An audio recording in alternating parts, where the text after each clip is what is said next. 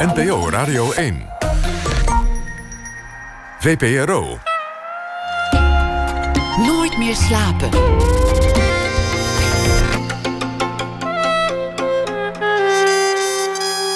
Met Pieter van der Wielen. Goedenacht en welkom bij Nooit meer slapen. Thomas Verbocht schrijft deze week elke nacht een verhaal bij de nacht. En u hoort hem uh, zometeen na ene. Otto Wiegers, oftewel Lucky Fons de derde, komt ook langs. Na één uur maakte een muziekvoorstelling met Nora Fischer samen en het Ragazze kwartet. The Secret Diary of Nora Plain over de vraag of er nog een plek is waar je niet wordt bespied en niet leeft door de ogen van een ander. Komend uur Micha Wertheim. Nooit een mop van een uh, cabaretier navertellen, dat wordt toch nooit leuk. En hij kan hem zelf ook altijd veel beter vertellen. Die van uh, de cabaretier met pretenties. Ik heb hem zelf nooit horen vertellen, want uh, hij was er niet. Zes voorstellingen had hij gemaakt, volle zalen, jubelrecensies. Iedereen vond het prachtig, zat te wachten op de volgende. En elke keer slaagde hij er ook nog in de grenzen van het genre wat op te rekken. En ineens rekende hij zichzelf overbodig. Of je kan zeggen, hij nam het publiek eindelijk zo serieus dat ze het wel zonder hem zouden moeten afkunnen. Ergens anders heette die voorstelling. Een voorstelling die werd gemaakt zonder de cabaretier zelf. Door een robot, een cassettespeler, het publiek zelf via wat nagelaten handleidingen. En Wertheim was ergens anders. De meesten konden de grap wel waarderen, of was het misschien meer dan een grap. Sommigen vonden het briljant. Er waren er ook nog mensen die briesend wegliepen en hun geld terugvroegen.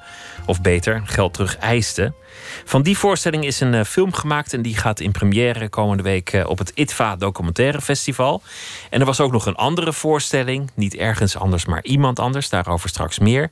En uh, Micha Wertheim werd geboren in 1972, heeft gegoocheld in zijn leven, culturele studies gedaan, woonde een tijdje in Israël. En dat is allemaal niet zo heel belangrijk, want hij werd uiteindelijk cabaretier. Hij schreef ook nog kinderboeken en passant en hij maakt ook nog podcasts. Micha, hartelijk welkom. Dankjewel. Noem je jezelf eigenlijk cabaretier? Is, is dat uh, hoe, hoe je jezelf zou voorstellen? Ik, uh, met, met, enige gêne. Ik vind het altijd een heel ingewikkeld woord. Omdat het allemaal associaties oproept waar ik niet zoveel mee heb. Maar dat is hoe mijn voorstellingen terug te vinden zijn uh, in, in, als je ze opzoekt in het boekje van het theater. Het staat niet bij toneel, het staat ook niet bij musical. Niet bij strijkkwartet. Dus dat is wat ja. het is. Het is ook verder niet zo heel belangrijk. Maar ik, ja, het is, het, is, het is een woord wat eigenlijk uh, ja, alleen maar in de weg zit. Het is leuk om iets te maken en daarna moet het ergens in een, uh, in een rubriek worden gelegd, zodat je kan zeggen van dat is wat het is. Ik hou wel heel erg van humor en van grappen, maar ik vind eigenlijk persoonlijk dat in iedere kunstvorm humor een plek zou moeten hebben. Dus... Ach ja, nou ja, het moet een naam hebben, dan maar cabaret, zal jou wat. Vind je het nog leuk? Ik vind het heel erg leuk. Uh, theater maken, ja zeker. Waarom die vraag? Nou, omdat ik me kan voorstellen dat als je het een paar keer doet, dat dat misschien de pret er uh, vanaf gaat. Of, of dat, dat, het, dat je erin vastloopt. Nou, maar dat, ik, dat is een kwestie van jezelf uh, uh, steeds een, iets nieuw, een nieuwe opdracht geven. En ah, ik verander natuurlijk zelf ook steeds als mens. Dus voor mij is iedere voorstelling die ik maak altijd een kans om uh, opnieuw te evalueren wie ik ben en waar ik sta. En dat is altijd deels afscheid nemen van iets van wat ik was... en deels accepteren van wat ik ben geworden. En dat is net als nieuwe kleren kopen. Dat je eerst denkt, oh god, dat soort broeken staan me niet. En opeens ben je thuis en heb je die broek aan... en dan zit je de hele tijd met je handen over de stof te wrijven... en te denken, hé, lekker, zo'n nieuwe broek. Dit en zo, is de man zoiets die nieuws maken... Ja. ja, iets nieuws maken is ook uh, ja, vervellen, nieuwe, jezelf opnieuw uitvinden. Dus wat dat betreft wordt het nooit saai. Dus dat je denkt, ik ga een soort her, be, beproefd recept herhalen. Maar dat, ja, ik, kan, ik zou dat niet eens kunnen. Je hebt het tot nu toe nooit gedaan en, en je zou het niet eens kunnen. Maar er, er is natuurlijk van alle kanten druk om dat, om dat wel te doen. En misschien is het wel wat je, wat je publiek het liefst zou Je bedoelt om, om iedere, iedere keer eenzelfde soort voorstelling te maken? Ja, dat ze denken, we, we gaan naar Miga, dan wordt het lachen. Maar het wordt wel lachen, een beetje intelligent lachen. Met, met ook een beetje reflectie op, op wat er eigenlijk gebeurt op dat podium. En dan gaan we weer naar huis en hebben het weer leuk gehad volgend jaar weer. Ja, ik weet niet of... Of kijk, ik, ik, ik meen dat als ik zeg dat ik niet anders zou kunnen. Ik, je kan wel zeggen van ja, je hebt van die mensen die doen ieder jaar doen ze dezelfde voorstelling. Maar dat is, is ook heel knap als je dat kan en als je dat leuk vindt. En dit is wat er bij mij uitkomt als ik iets, iets wil gaan maken en mezelf moet motiveren. Dan probeer ik iets te verzinnen waarvan ik denk: oh god, hoe los ik dit op? En zo is dit idee van die voorstelling waar ik zelf niet bij was ook ontstaan. Ik had in de voorstelling daarvoor had ik een grap. En die grap was een beetje, dat klopte, die zalen werden steeds groter. Op een gegeven moment stond ik in Carré. En dan merk je dat als je heel lang stil bent en je maar even met je oog wiebelt, begint iedereen te giebelen. Dus hoe meer mensen er zijn, hoe minder je als cabaretier hoeft te doen. Nou, als je dat doortrekt, dan betekent dat uiteindelijk de mensen echt een topavond hebben. Als ik er niet eens meer ben, dan zijn ze helemaal met elkaar. En toen, toen, werd, toen dacht ik opeens, stel je voor dat je dat echt doet, een voorstelling waar ik zelf niet bij ben. Toen dacht ik, dat moet ik dan niet in Carré gaan doen. Of uh, in de kleine komedie. Maar dan moet ik echt naar wat kleinere zalen terug. Maar het leek me verschrikkelijk leuk om zo eens, eens een keertje iets anders te gaan doen. Maar eigenlijk is het voor mij. Dat is altijd, ja. Maar je creëert een probleem voor jezelf en daarna moet je dat oplossen. Dat is eigenlijk hoe het creatieve proces werkt. Eerst het jezelf moeilijk maken met een, met een gedachte, een idee of een basisveronderstelling. Ja, een, en, en, er is een, ja, er is een probleem en los het dan maar op. Ja, dat, is, dat, dat vind ik heel erg leuk om te doen. Ook, ik ben, als ik het aan het doen ben, ook wel in lichte paniek, omdat ik niet weet of het lukt. Maar het is, dat is gewoon heel erg leuk om het op te lossen. En bovendien voorkom ik dan dat ik heel erg na ga denken over de grote vragen van het leven. Van uh, ik moet een voorstelling maken waarin ik wil onderzoeken hoe wij in deze tijd. Nee, dat, dan, dan loop ik helemaal vast. Ik kan beter zeggen: uh, wacht, oké, je bent er niet. En dan? En dan, ja, verzin maar iets. Stel, de, stel, er was een voorstelling en de cabaretier besloot... het publiek kon het zelf wel en hij kwam niet. Dat was de gedachte. Vervolgens los je dat op een aantal manieren op. Nou, we hoeven ze niet helemaal door te nemen... maar ik, ik vond ze één voor één briljant. Een robot als stand-in. Een, een, een bandje achterlaten. Een handleiding voor het publiek die zelf de grappen moet gaan, gaan oplezen. Mensen die het decor intussen zelf maken. Er ontstaat wel degelijk een voorstelling. Ja, en er zat een soort, soort audioscape, of zeg je, een soort hoorspel zat er ook nog wel bij, wat door platen opgezet werd door mensen uit het publiek. Dus de, ik, er was wel ook wel echt wel. Het was meer dan een happening. Vond, dat wist ik wel meteen. Als ik zoiets doe, ik wil niet, ik, ik wil niet dat, het, dat iedereen zegt wat een interessant experiment. En het was me toch een happening. Ik wil wel een, ik wilde echt een voorstelling maken. Waarvan je na afloop denkt van hé, wat heb ik. Uh, een mooie voorstelling gezien. dat, dat vind ik belangrijk. Ik, ik, ik, ik hou best wel van, van kunst en, eh, en performance kunst vind ik prima. Maar ik wilde geen performance kunstwerk maken van ik ben er niet en, en dan maar eens kijken wat er gebeurt. Ik wilde gewoon een leuke voorstelling maken. Ik vond het briljant. Dat geef ik je alvast, nou. uh, geef ik je alvast prijs. Maar toen dacht ik ook bij, bij dat briljant vinden. Ik heb de registratie gezien. Ik ben niet door de regen gefietst. Ik heb geen oppas hoeven zoeken. Ik heb niet in, in zo'n theater oh, ik heb een kaartje, eh, vak J, rij 9, stoel R of, of, of andersom. Dat maakt natuurlijk heel veel verschil of je, of je daar in dat theater bent. Ja, ik heb ook heel erg geaarzeld of deze voorstelling überhaupt te filmen was. Omdat het was. Kijk, ik vind sowieso bij iedere theatervoorstelling belangrijk dat er iets gebeurt in het theater.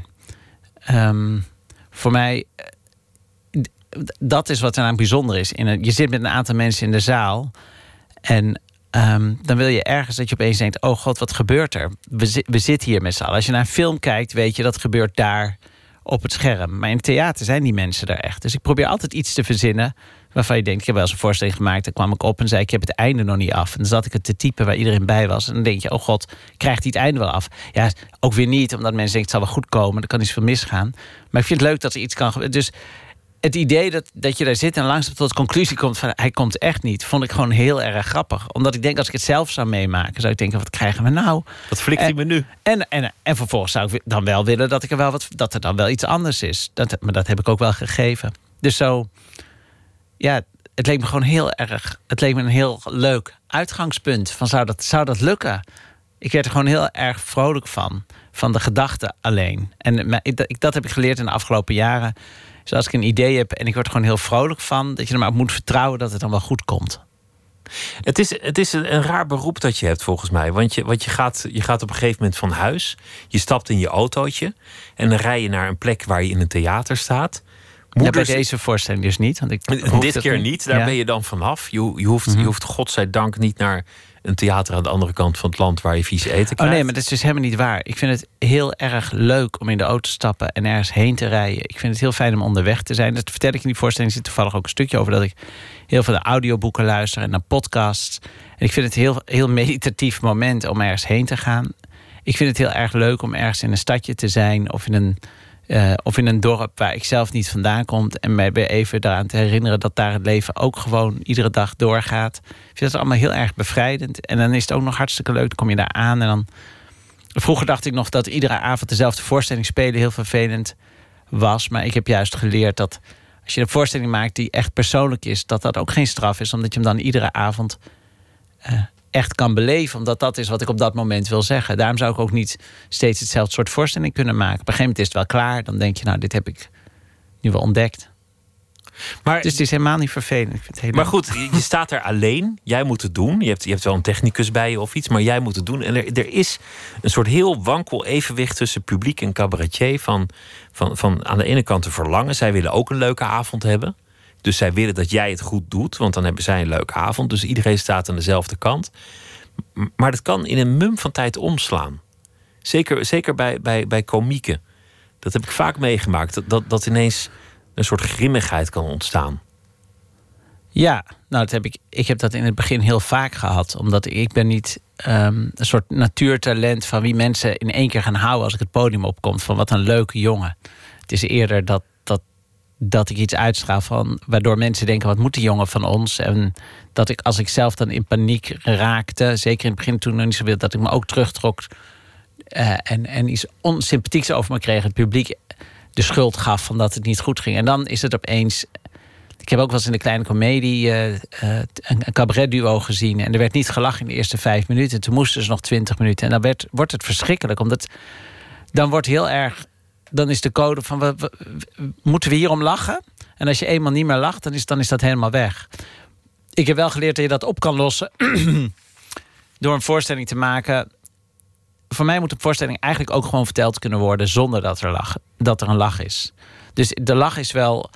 Uh, ik vind het wel leuk als er gelachen wordt, maar in principe wil ik dat hij ook overeind zou blijven als ik hem gewoon zou vertellen aan één iemand die tegenover me zit. En als je dat hebt, dan is de, dan is die lach meegenomen. Maar dan is het niet meer het belangrijkste. En ik denk dat dat eigenlijk geldt voor alle goede humor. Wat je wil, je moet eerst mensen laten vergeten dat ze kwamen om te lachen, om ze echt aan het lachen te krijgen. Althans, voor het soort humor wat ik leuk vind.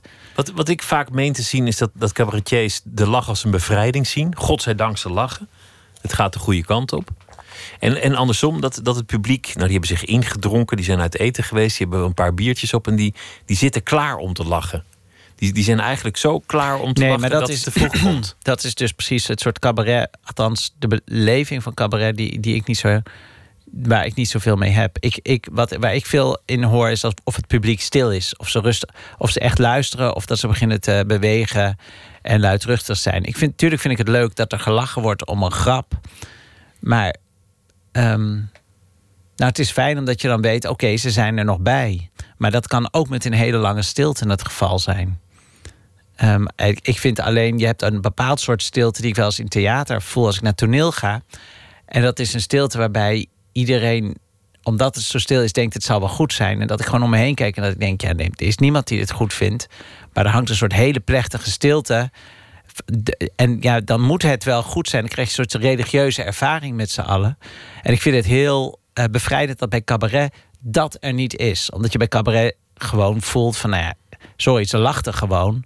Dus daar kan je van alles van vinden. Maar dan heb ik toch ergens iets, een knopje weten te raken. Je moet het niet overdrijven, want het, zo moeilijk is het niet om een zaal te laten lachen. Dat kan ook op een manier gaan die ik niet zo interessant vind. Dus eigenlijk was het, was het misschien nooit jouw behoefte om, om cabaretier te worden, maar werd het gewoon die die vorm? Kwam die lach er gewoon in, of die relativering?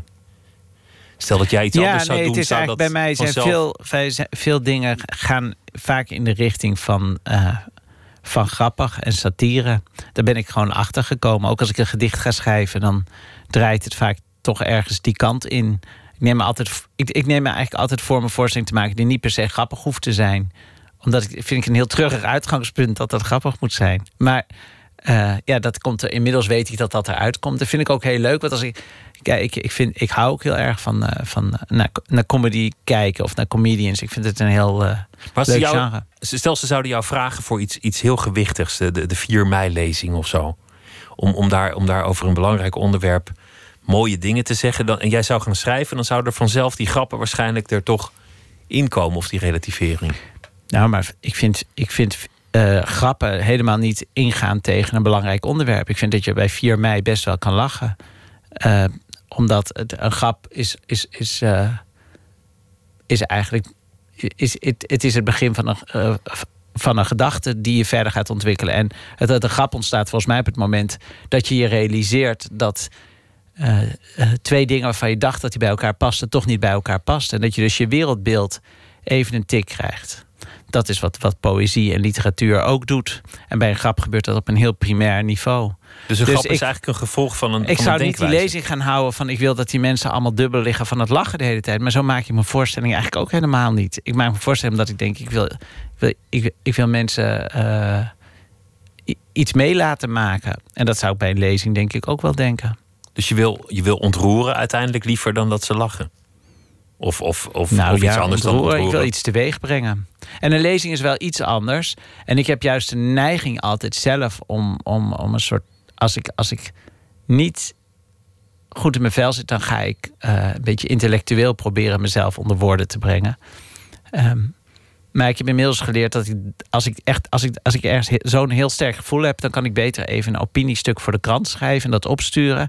En daarna denken en nu gewoon weer iets maken wat, wat vanuit een lichtheid gemaakt wordt. En niet een lichtheid die de zwaarte van het leven ontkent, maar ehm, juist een lichtheid die laat zien van ja, we zijn, uh, we zijn allemaal maar uh, mensen die proberen te redden. Als dat niet je uitgangspunt is, ja, maar ik, ik vind in de meest serieuze teksten zie ik humor. Ik bedoel, weet je, Jonathan Franzen die dan essays schrijft. Het, goed, dat is, die staat niet bekend als een komiek, maar ik vind, toch, ik vind hem toch ergens grappig. Ik vind dat helemaal niet. Nee, goed. Er zit een prachtige humor in. Het is ja, misschien dus, niet, ja, niet, dus, niet lachwekkend, ja, maar. Precies. Dus dat, voor mij is dat humor. allemaal niet zo'n sterke lijn. Ja. En die afspraak, want, want, want dat is het toch? De conventie dat jij op dat podium staat en, en, en de zaal wordt, ja, die, die, die wordt vermaakt. Is dat een conventie die, die, die jij graag tart? Nou, wordt vermaakt. Mensen hebben een kaartje gekocht en met een babysitter. Als ik zelf naar theater ga, dan wil ik iets meemaken. Dan wil ik vermaakt worden. Niet vermaakt worden op een manier dat ik. Maar dat is een persoonlijke smaak. Maar wat ik, waar ik, ik wil niet vermaakt worden op een manier die me even helemaal doet vergeten hoe hopeloos het leven is. Nee, ik wil vermaakt worden door er even te zien van, oh, ik ben dus niet de enige die voelt dat het leven hopeloos en zwaar is. En dat tilt me dan even op.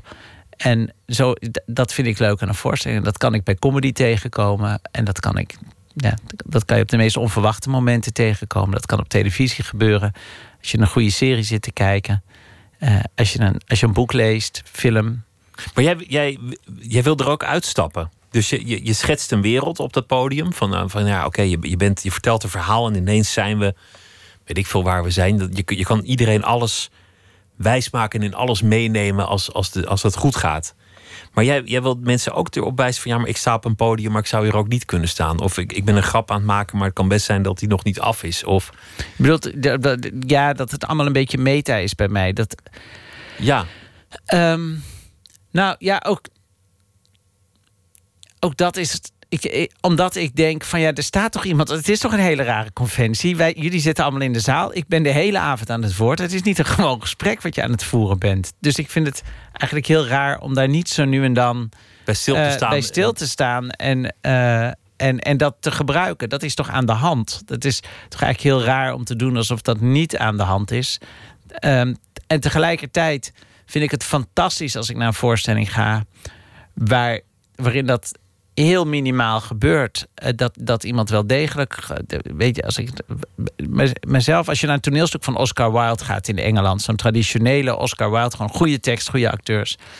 Dan nog is de meerwaarde dat een van die acteurs nu en dan toch op een manier de zaal in kijkt, al is het maar heel subtiel, waarmee, die, waarmee er toch even wordt gezegd: dit, dit, is, dit is iets raars wat we aan het doen zijn. Maar door dat te doen is dat heel maak je het misschien ook juist weer bijzonderder door te onderkennen.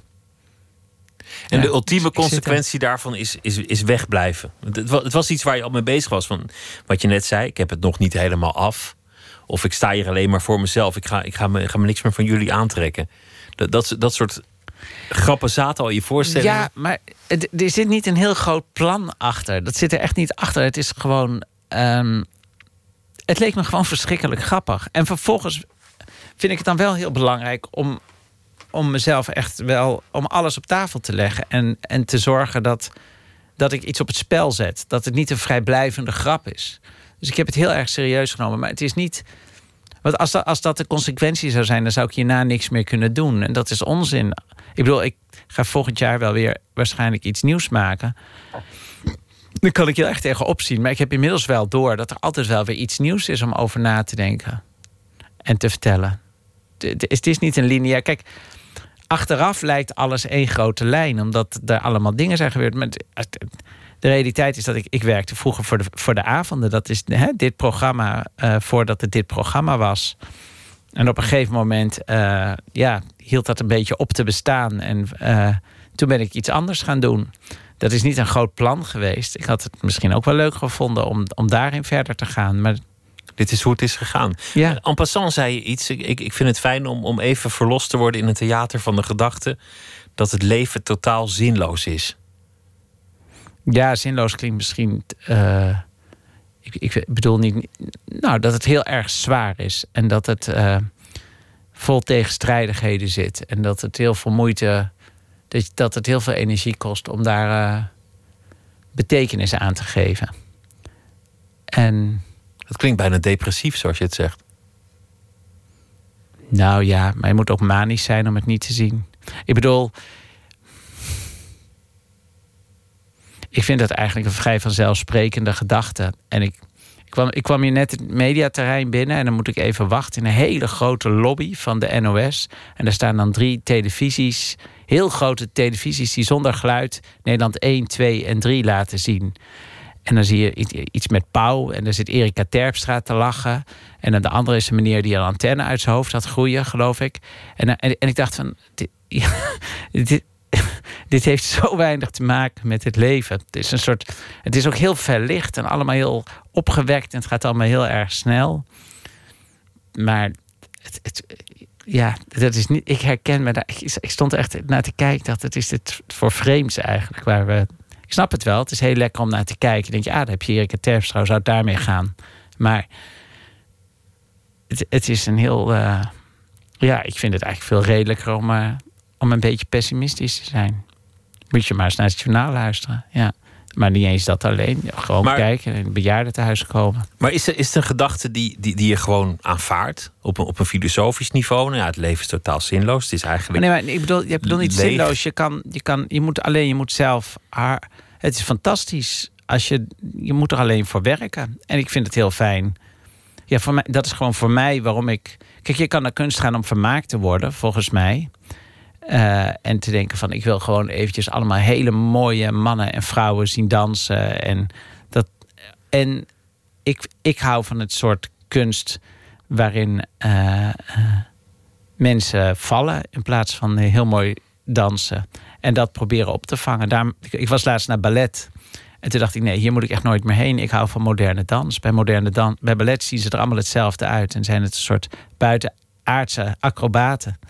En bij moderne dans, eh, als het een voorstelling is die ik mooi vind, dan, ja, dan vallen ze en struikelen ze. En, en is de ene klein en de ander groot. Ze zijn meestal niet dik, maar in principe zou dat ook kunnen. Nou, dat is meer de wereld. Maar je zei, het, het kost moeite om, om, om er iets van te maken, van dat bestaan. Je moet daar moeite voor doen. Hoe doe je dat? Nou ja, door om je heen. Nou ja, bijvoorbeeld door een voorstelling te maken, in mijn geval. Door een voorstelling te maken en iets te maken waarvan ik denk dat vind ik heel erg mooi. En dan te kijken of andere mensen dat willen zien. Maar het kan ook zijn door iemand, ja, dan kom je bij de clichés, iemand te helpen. Of gewoon eh, bij iemand op bezoek te gaan. En lekker te koken voor iemand, voor, jeze- eh, voor jezelf. Lekker naar buiten te gaan en te kijken wat voor mooi weer is. Ik zit nu op tekenles. Vind ik heel erg leuk. Dan zie je gewoon dan ga je gewoon heel goed kijken. En, Maar- en maar dat is je- een manier om het leven de moeite waard te maken. Want dan Maar zie je opeens dat er je- veel meer te zien is.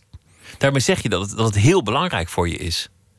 Dat, dat wat jij doet, dat, dat theater maken, dat het op, op geen enkele manier iets, iets uh, lichts of relatiefs heeft. Of, of, of dat je dat, dat ziet als een lolletje, maar dat, dat, het, dat het voor jou heel fundamenteel nee, ik vind, is. Nee, ik vind, ik vind het heel erg leuk om te doen. En ik vind het, maar. Nou, ik vind wel als mensen inderdaad een kaartje kopen en daar best wel geld voor betalen en dan oppas ook nog dan, dan moet je toch iets bieden waardoor het in ieder geval dat het in ieder geval meer is dan thuis een avondje Netflix kijken.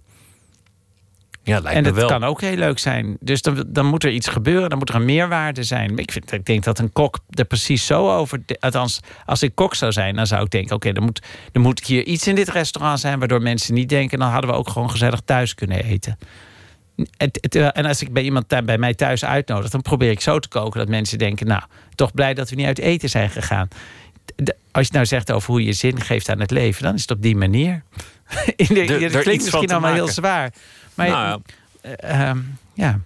Nee, het is wel redelijk wat je zegt. Laten we voor we verder praten over uh, gewichtige zaken gaan luisteren naar uh, de muziek van een 17-jarige. En uh, dat is Millie Turner en het nummer heet Eyes on You.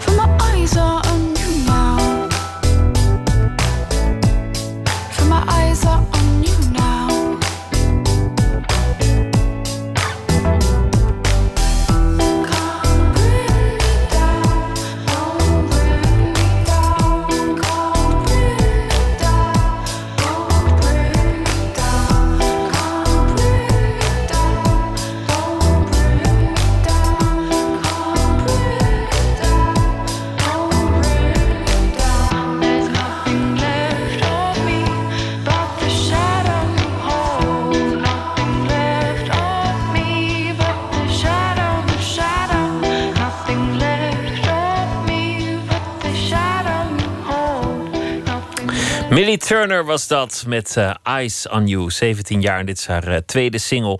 Nooit meer slapen in gesprek met Micha Wertheim... die uh, tegenover mij zit vanwege een verfilming... van zijn voorstelling Ergens Anders... die te zien zal zijn op het ITVA Documentaire Festival. Je, je zei net, eigenlijk, eigenlijk had ik andere dingen kunnen gaan doen... maar het werd dit, want je, want je maakte ooit radio, bijvoorbeeld. Je hebt ook ooit gegoocheld, een blauwe maandag. Wat, wat, wat hield dat in, goochelen? Nou, ik heb gegoocheld. Toen ik in Amerika op school zat, heb ik een goochelcursus gedaan. Ik was, was tien toen mijn ouders een jaar daar uh, gingen wonen voor het werk van mijn vader. En toen heb ik daar goochelles gehad. Dat vond ik heel leuk, maar dat was niet bijzonder. En toen heb ik na de middelbare school wilde ik heel graag naar, weer terug naar Amerika. Ik was daar niet meer geweest. En dan moest ik zelf een manier verzinnen om dat ticket voor elkaar te krijgen. Dan kon je in een zomerkamp werken. Toen heb ik mezelf in een baan gebluft om daar goochelles te geven. Met die tien trucs die ik op die goochelcursus op de lagere school geleerd heb. En tot mijn verbijstering en een beetje angst werd ik aangenomen in, in een heel chic goochelkamp. En toen heb ik het uh, moeten leren heel erg snel. En heb ik het daar ook geleerd. Heb ik, nou, door allemaal wonderen ben ik niet ontslagen. Maar toen ik daar negen weken lang goochelles had gegeven, kon ik goochelen. En toen heb ik goochelen altijd erbij gedaan tijdens mijn studie in plaats van borden was om geld te verdienen. En wat waren jouw tien trucs? Je hoeft niet alle tien te noemen, maar wat voor soort trucs? Uh, drie kopjes en drie balletjes, maar dan niet een hele ingewikkelde variant. En een paar trucken met kaarten. En, uh, maar uh, ik, ik ben er wel. Nou, ik, ik heb een soort haat-liefde verhouding met goochelen. Wat ik er heel erg mooi en ontwapenend aan vind, is dat een goochelaar iets kan wat jij niet kan. De meest primitieve vorm van optreden. Van kijk eens, wat ik kan, dat kan jij niet. En dat vind ik heel um, ontroerend en ook wel herkenbaar. Omdat ik denk dat, dat ik dat altijd als kind wel. Ik had dat soort fantasieën. Ik fantaseerde altijd dat ik hele lange armen had. En dat ik daar dan mee alle wedstrijden kon winnen. Want dan kon ik met die armen, had ik een soort bijzonder... die Superman-achtig ding. En een goochelaar kan dat natuurlijk. Die kan toveren en die kan iets kijken als presto. En iedereen, oh, hoe doe je dat? Dat geeft je een gevoel van macht. En tegelijkertijd is het daarmee ook de, de meest treurige vorm van, van, van optreden. Omdat je op een verschrikkelijke afstand blijft staan. Omdat je zegt van, kijk, ik kan iets, dat kan jij niet. Jij bent een sukkel. en dat is eigenlijk Terwijl volgens mij een echt en, en, en een voorstelling pas interessant wordt als, als degene die, die optreedt het er zelf niet uitkomt. Um, want dat is, dat is waar je naar wil kijken. Althans, waar ik dus van hou. Het leuke ehm, aan goochelen is, is dat het. Nou ja, ik, ik, ik, ik heb dan laatst een voorstelling gezien. En dan wordt iemand doormidden gezaagd, gewoon de klassieker. En dan zie je, dan zie je die benen bungelen aan de ene kant en, en het meisje aan de andere kant. En nee, maar waar rempel, die kist is leeg. Hoe kan dat nou? Ik zag net die benen nog bungelen en dan ligt ze weer in één stuk daar. Als iemand de truc uitlegt, dan, dan is alle magie weg. Nee, maar dat is niet dan waar. Dan is er geen hol meer aan. Mijn, mijn, waar ik heel erg groot fan van ben, zijn twee Amerikanen, Penn en Teller. Die leggen goocheltrucs uit. En ze laten zien dat als ze hem uitgelegd hebben, dat je hem nog steeds niet snapt. En dat is waar ik goochelen heel erg interessant begin te vinden. Dat je dus die um, wet doorbreekt, dat je, dat je het wel degelijk uitlegt. Ja, omdat het een misverstand is. Dat dat is waar de goocheltruc om gaat. Um, Ben en Teller doen bijvoorbeeld die truc met die drie cups en balls. Doen ze met plastic doorzichtbare, doorzichtige bekertjes. En nog zie je het niet. En dan zie je dus wat echt goochelen is. En dan komt goochelen niet zo ver uit de buurt van wat kunst doet. Namelijk je de indruk geven dat er iets meer is dan iemand die gewoon heel slim een ambacht uitvoert. Maar in principe is volgens mij een kunstenaar een ambachtsman, zoals een goochelaar een ambachtsman is. Maar die een manier verzint om de illusie te wekken dat degene die er naar kijkt zelf denkt: ja, maar dit, nu wordt het subliem. Terwijl je als maker altijd weet, nee, dat was alleen omdat ja, ik moest een oplossing vinden. Want ik kon, ik kon, weet ik het, die speakers niet huren. Toen dacht ik, nou dan doe ik dit. En dan kom je met allemaal oplossingen. En achteraf denkt iedereen, oh wat knap hoe je dat zo geregeld hebt. Maar dat is eigenlijk en dat is met goochelen ook. Met goochelen zeg je, ik ga vliegen. En vervolgens ga je verzinnen, hoe, hoe kan ik dat oplossen? Maar het gaat erom dat je toch, ondanks dat iedereen weet dat het niet kan... even iedereen laat geloven dat dat wel kan. Maar dat is eigenlijk ook wat jij doet met je voorstelling. Je, je, je, je doorbreekt die wetten, dus je legt eigenlijk als het ware de truc uit. Kijk maar, de cabaretier is er helemaal niet. En toch blijft het spannend. Ja, nou dus de, want de voorstelling waar het nu steeds over gaat, die bij het ITVA komt, is deel 1 van een tweeluik. Ja. Ik ging er twee maken in één jaar. Dat heb ik vorig jaar gedaan. En deel 2 gaat, gaat daar dus heel erg over. Die komt ook nog op televisie op 9 december. Maar daar leg ik dat uit. Dat, dat, dat, dat zo'n voorstelling werkt. Ja, dat het een hele ingewikkelde, leuke wisselwerking is tussen het publiek en de maker. Dus het idee dat een voorstelling waar ik niet bij ben, die werkt alleen maar als de mensen in de zaal bereid zijn die sprong te wagen en daaraan mee te doen. Want als je binnenkomt, eh, met die mensen die boos waren, die die voorstelling niet leuk vonden, en dat was iedere avond waren dat er een stuk of tien daar waren er heel veel van die een soort agressie over zich kregen. Waardoor ze het nodig vonden om voor de rest van de zaal ook te zeggen dat het oplichterij was. Uh, en dan zie je hoe kwetsbaar een voorstelling is. Dat is ook bij cabaret. Als ik, dat is bij iedere voorstelling. Als ik naar, naar, naar, naar, naar een theatervoorstelling ga en halverwege roep ik naar een acteur pedofiel. dan is de hele zaal van streek. Of die man dat, of die vrouw daar iets, of dat iets, dan schrikt iedereen zich helemaal rot. En dan is de, dan is de code kapot. Dus de code is heel erg belangrijk met z'n allen. Dat je met z'n allen durft een sprong in het diepe te wagen. Dat is iets heel bijzonders als dat lukt. Het is heel Eh, kwetsbaar. En het is heel kwetsbaar. En ik denk dat dat geldt niet alleen voor theater. Dat geldt ook voor wat wij beschaving noemen. Beschaving is natuurlijk alleen maar met elkaar een afspraak van we gaan doen alsof we beschaafd zijn. Maar als iedereen zich aan die afspraak haalt, houdt en dat probeert, dan ben je een, dan, dan, dan, dan ben je beter af met elkaar. En het is heel makkelijk, en dat is wat er volgens mij nu voortdurend de hele tijd gebeurt, om tegen, tegen elkaar te gaan zeggen van ja, maar we weten toch allemaal, iedereen is een opportunist. En, en alleen maar ironisch en cynisch te zijn over alles, en sarcastisch is eigenlijk een beter woord dan. Ja, dat kan je doen en dan kan je alles afbreken. En er zit heel veel plezier in speelgoed uit elkaar halen. Maar op een gegeven moment heb je niks over. Dus een speelgoedautootje is alleen maar leuk als je op een gegeven moment de beslissing neemt van, maar het is echt een autootje en ik kan ermee rijden. En als iedereen dat doet, dan heb je een autootje met elkaar. En zo is het met kunst en zo is het volgens mij ook met democratie. maar hoe, tuurlijk is hoe, het- hoe kwetsbaar ben je zelf? Hoe, hoe bedoel je, op het podium of als mens? In, in het algemeen. Hoe, want, want je zegt het is een heel kwetsbaar proces. Normaal gesproken sta jij op dat podium bij dat kwetsbare proces. En je, en je, hebt, je hebt daar ontzettend hard aan gewerkt. Je neemt het serieus. Het is voor Ja, jou maar heel denk- belangrijk. Die kritiek, hoe, hoe hard raakt jou dat bijvoorbeeld? Iemand Nee. die roept, het is allemaal, het is allemaal rotzooi. Nou, wat ik, wat, ik, wat ik er moeilijk aan vond, is dat ik er niet, omdat ik er niet bij was, of heel stiekem zat ik soms, eh, zat ik, had ik me verstopt ergens tussen de lampen, of zat ik, eh, ik ben maar een paar keer geweest, omdat zeker in het begin moest ik erbij zijn, omdat, omdat de eerste elf voorstellingen gingen dingen mis en het was heel erg inge- technisch, hele ingewikkelde voorstelling met twee technici die zich helemaal rot werkten. Maar ik, ik, ik vond het, als ik er niet, ja, zo moet ik het nou zeggen. Kijk, als ik zelf op het podium sta, ik ben wel gepokt en gemazeld. Ik red me wel. Dus als ik heb bij iedere voorstelling die ik tot nu toe gemaakt heb, liepen er mensen altijd wel een paar mensen weg. Niet iedere avond, maar toch geregeld. Ik heb wel voorstelling gemaakt waarin ik mezelf dan per ongeluk zogenaamd een kwartier herhaalde. En dan precies hetzelfde deed als ik een kwartier daarvoor deed. En dan liepen er mensen naar voren en die zeiden: Dit heb ik al gezien, dit is schandalig. En dat vond ik dan grappig dan ging ik door. En maar nu was ik er zelf niet bij. En ehm, dan wordt het een stuk kwetsbaarder. Dus ik kon niet op dat moment zelf eh, de angel eruit halen. Of laten zien van ik blijf gewoon doorgaan waar ik mee door ben gegaan. En in het hoofd van die mensen werd ik alleen maar een grotere opportunist en een, iemand die de boel aan de eh, oplichten was. En de grap is natuurlijk, als je, als je naar een goochelaar toe gaat en je denkt van tevoren, deze goochelaar is helemaal geen tovenaar. Het is een oplichter en hij kan helemaal niet toveren. Dan heb je een rotavond. En dan kom je ook buiten en denk je, nou, er was helemaal niks aan. Je moet, als je naar Hans Klok gaat, bij jezelf denken... ik ben benieuwd of hij vandaag gaat vliegen. Anders moet je er niet heen gaan. Want eh, dan, dan zit je het... En ik kan het leuk vinden om, om de- naar het podium te lopen... en zeggen, kijk, het is, het is niet echt. Maar je hebt er geen leukere avond door.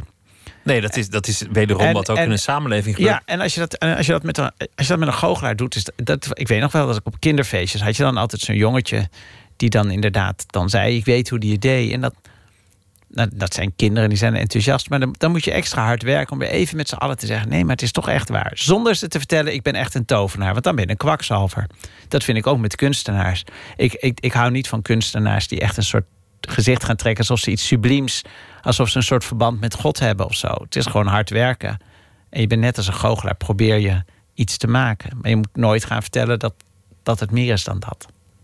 Maar ik, ik, heb zo, ik heb zo het gevoel dat daar iets zit... en daarom zit ik een beetje vervelend op, op, door te peuren. Maar is het, is het voor jou wel eens een, een, worsteling? Is het wel, zijn er momenten dat het niet lukt om, zin te geven aan het leven? Momenten dat je aangeslagen bent... of dat, dat je echt moeite moet doen om het tegemoet te treden? Ja, nee, natuurlijk. Ja, heel vaak. En, en het tweede deel van die voorstelling, dus wat niet bij het IT was, dat, die gaat daar heel erg over.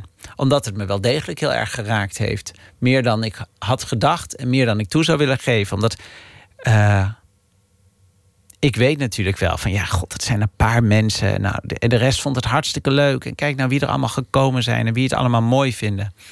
En waarom laat je je dan zo door die paar mensen uit het veld slaan? Maar omdat het natuurlijk appelleert. eh,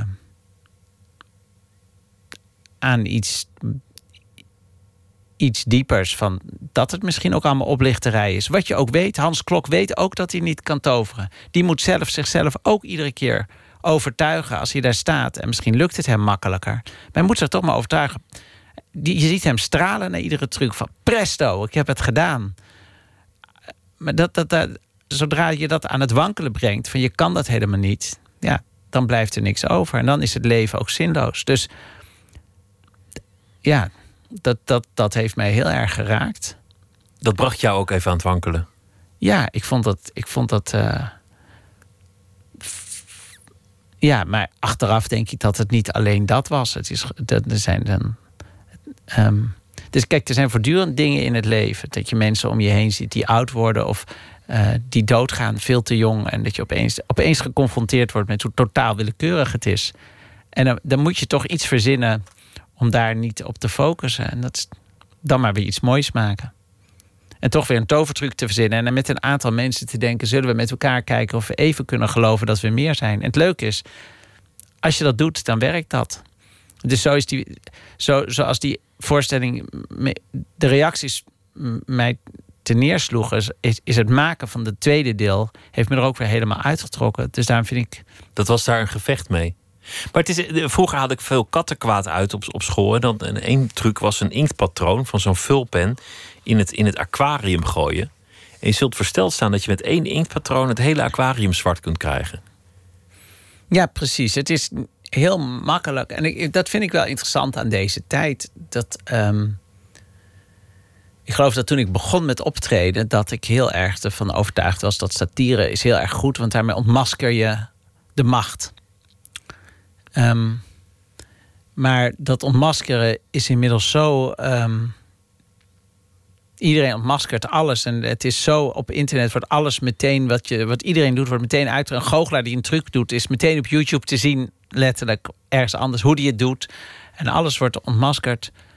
Um, en over alles wordt een grap gemaakt. En eh, als je, een, ik heb een heel, heel lang column gehad in Vrij Nederland, nou nu nog, maar dat was iedere week. Ja, dan schrijf ik, was ik altijd bang van ja, er zouden wel twintig andere cabaretiers ook over dit onderwerp een grap maken. En de grap is vaak van om te laten zien wat een onzin het allemaal is. Maar ja, waar we nu een beetje in terecht zijn gekomen, is dat, dat, dat de mensen die eh, de macht aan het grijpen zijn in de wereld, zijn de mensen die daarop dansen. Die zeggen: Het is ook allemaal onzin. Ik ben ook een hypocriet. Ik lieg ook. Ik ben ook een nihilist. En, uh, en ja, dat is toch ook niet helemaal. Uh, dat blijkt toch ook niet helemaal te werken. Dus dat vind, vind, ik, wel, vind ik wel een spannende tijd om het uh, positief uit te drukken. dus dan zouden de komieken niet, niet moeten zeggen: kijk eens, de keizer heeft geen kleren aan. Maar, maar, maar eigenlijk moeten zeggen: van goh, wat, wat zou er wel kunnen zijn? Bijna, bijna ja, dat is het ingewikkeld. Dat is het ingewikkeld. Want ik geloof dat de, ik, ik, ik geloof dat de satiricus, dat blijf ik wel geloven, de taak heeft om de, de onzin uh, te, on, te ontmaskeren.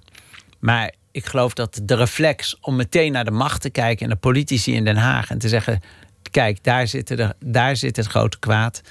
Uh, dat begin ik steeds minder interessant te vinden. Uh, ik, want ja, die politici, in ieder geval in Nederland, zijn ze voorlopig nog wel gekozen door ons. Dus moeten we misschien ook kijken naar. Dit vind ik toch. Daarom hou ik toch uiteindelijk ook niet zo van heel erg politiek uh, cabaret. In die zin van dat ik, dat ik Hans Steeuwen heel politiek vind, omdat hij eigenlijk zichzelf onderzoekt. Nou, noem ik iemand die dan heel duidelijk, hoewel die de laatste tijd weer wel politiek is. Maar goed, ik bedoel, eh, Gumba vind ik heel, Gumba, de cartoonist. Dat vind, dat vind ik heel erg indrukwekkend en heel erg mooi, iedere dag. En heel erg poëtisch en heel erg grappig.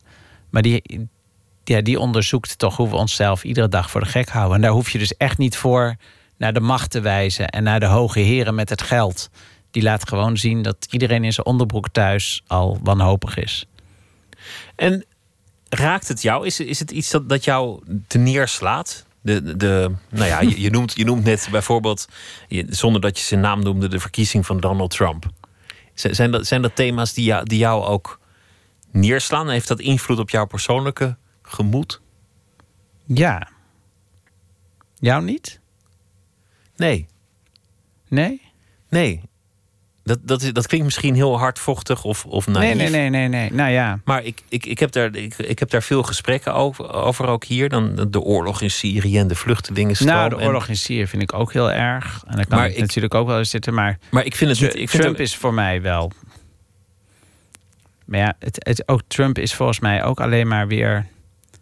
eh, in, in, in zekere zin de uitkomst van wat je krijgt als je. wat ik net in de lobby van, eh, van het NOS-gebouw zag. Eh, de hele een tijd. gevolg van. Het gevolg van een soort cultuur waarin alles maar vrolijk, gezellig, gezond en opgewekt is. En Maar wat ik maar probeer ja, te word ik daar droevig van? Ja, nou ja omdat, omdat ik weet dat we heel veel te verliezen hebben. Omdat ik denk, ik denk dat als, hoe dat als, nou ja, zoals een goochel, zoals een kleine voorstelling verstoord kan worden, kan, eh, kan wat wij hier allemaal hebben, wat lange na niet perfect is. En waarvan ik heel goed snap dat je denkt, er moet maar eens eventjes flink opgeknapt worden. Maar ehm, heel veel mensen hopen op een revolutie. Maar ik geloof dat mensen die echt een, een echte revolutie hebben meegemaakt, dat is iets verschrikkelijks. Maar dat is eigenlijk precies wat ik bedoel te zeggen. Dat ik, ik denk dan aan mijn, mijn, de tijd van, van onze opa's. Die, die, die zagen wereldoorlogen, genocide, de eerste atoombom, al die narigheid. En dat weerhield ze er niet van om verliefd te worden, om muziek te maken, om wijn te drinken. Die, die, die bleven stoïcijns doorgaan met dat leven. En waarschijnlijk nou, konden ze ook toch niet wel anders. familieleden die toch een paar jaar in hun leven daar echt niet aan toe zijn gekomen, omdat het te, te gruwelijk werd. Omdat ze gevangen zaten en gedeporteerd Ja, werden. Maar, Maar daarna en, maar dan ze- nog denk ik dat ook daar, dat, een van de manieren om te overleven was geloof ik ook wel gedichten uit je hoofd leren en zo. Dus ik, ik, je kan daar heel optimistisch over zijn. Dat de mens heel sterk is, zo, daar ben ik wel optimistisch in. En dat, dat, dat je als mens onder hele moeilijke omstandigheden, ook in Syrië in het bombardement, eh, nog een moment van geluk kan hebben. Maar ik heb toch liever geen bombardement en geen deportaties. Ik liever ook niet om dat eh, Nee. uit te zoeken. Ehm, Maar ik bedoel, we, we moeten gewoon ons leven leiden. Uiteindelijk moet je dat leven leiden. Dus, dus de vraag van, van raakt het je of moet het je raken? Ja, natuurlijk moet het je nou ja, raken. ik- maar ja, nee, maar- dat is, dat vind, ik, ik, snap, ik snap wel wat je zegt. En ik zou er wel, zou er wel wat van willen lenen. En ik denk dat ik dat misschien... Ja, het is zo verschrikkelijk om nou, die- Maar die tweede voorstelling ging daar heel erg over. Dus om, waar we het dan nu dan niet over hebben.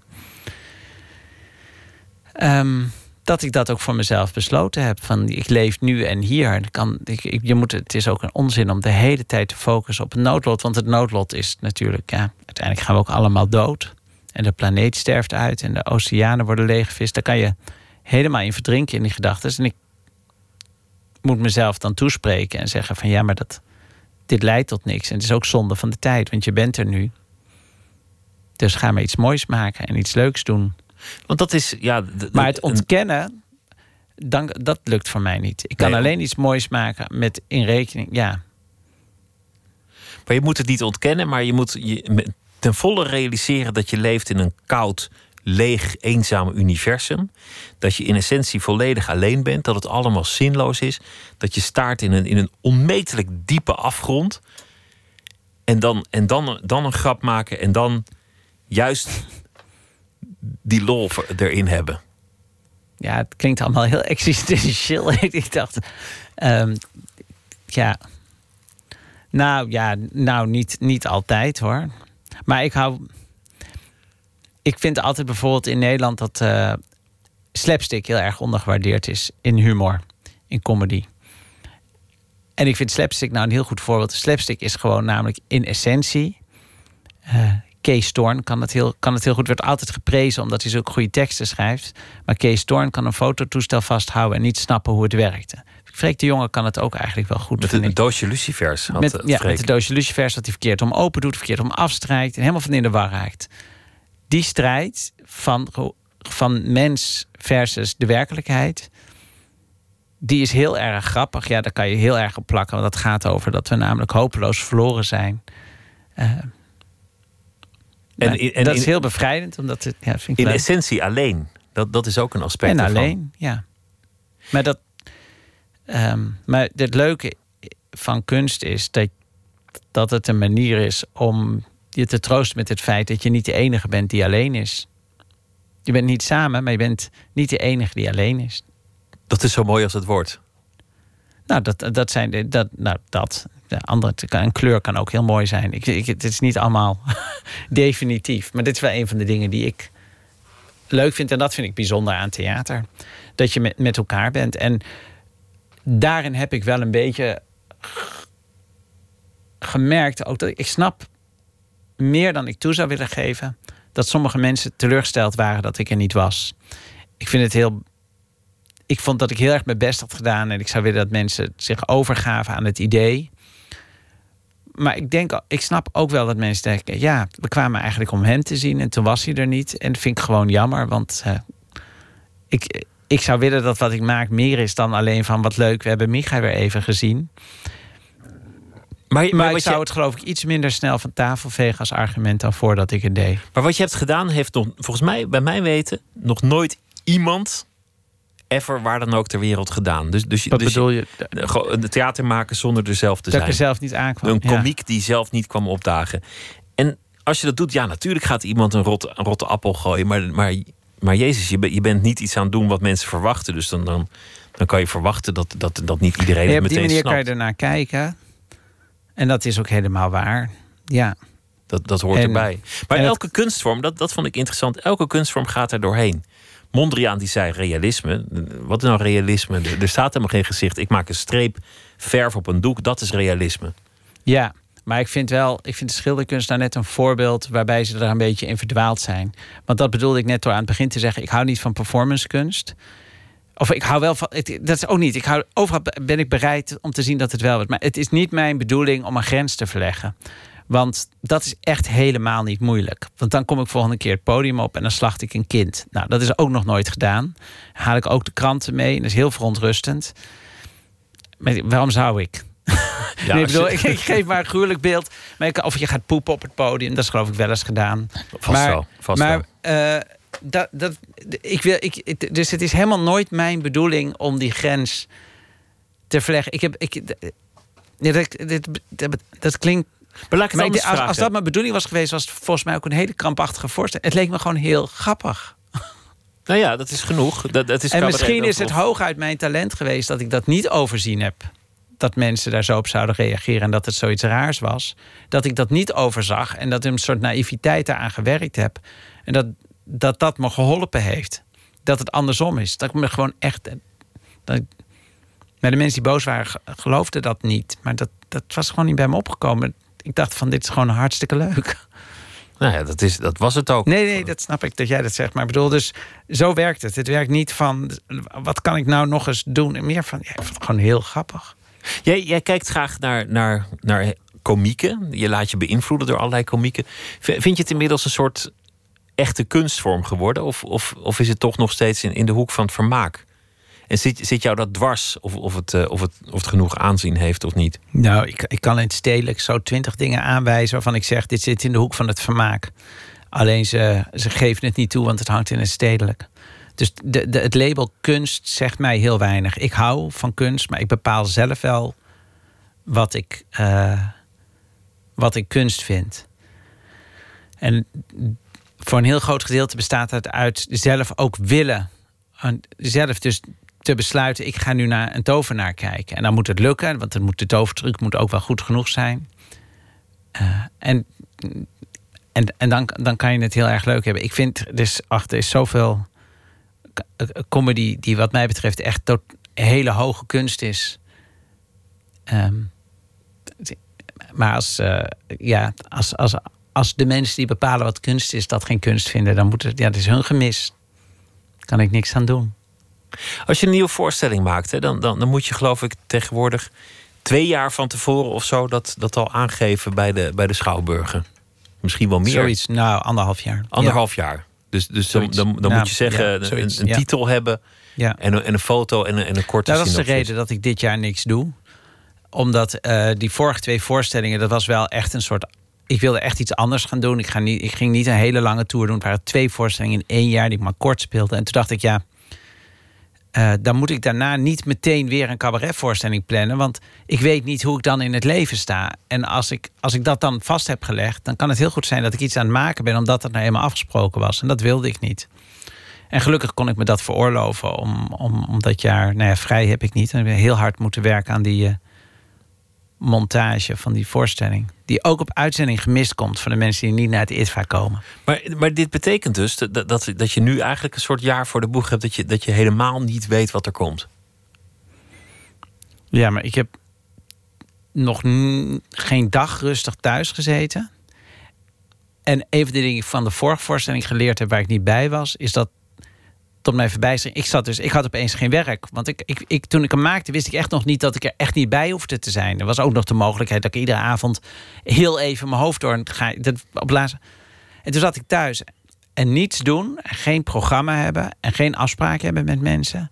Nou, dat is voor mij wel een recept, heb ik ontdekt, om, uh, om, om uh, te veel naar de donkere kant van het leven te gaan kijken. Want dan ga je op internet dan kijken. Dan word je zwaarmoedig.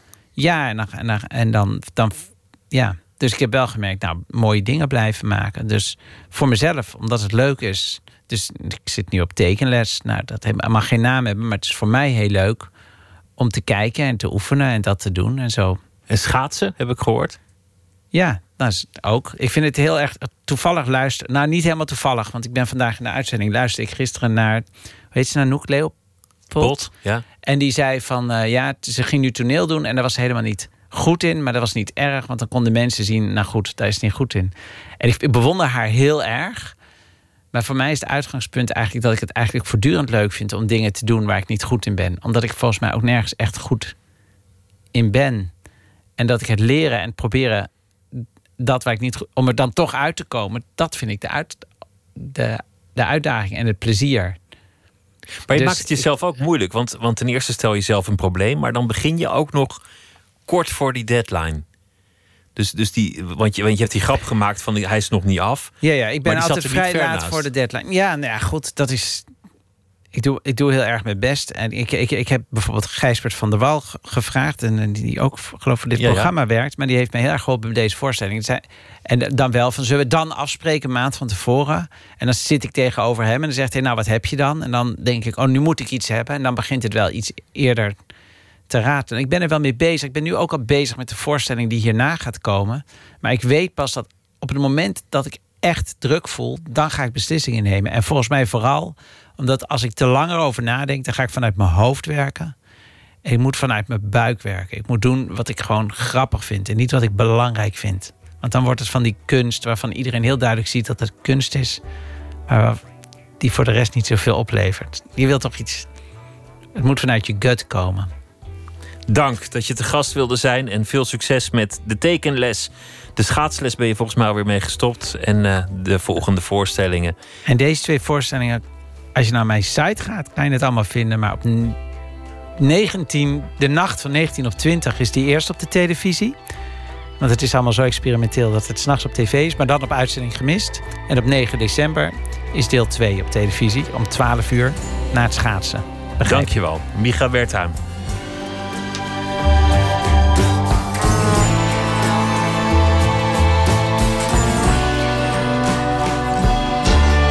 Radio 1, het nieuws van alle kanten.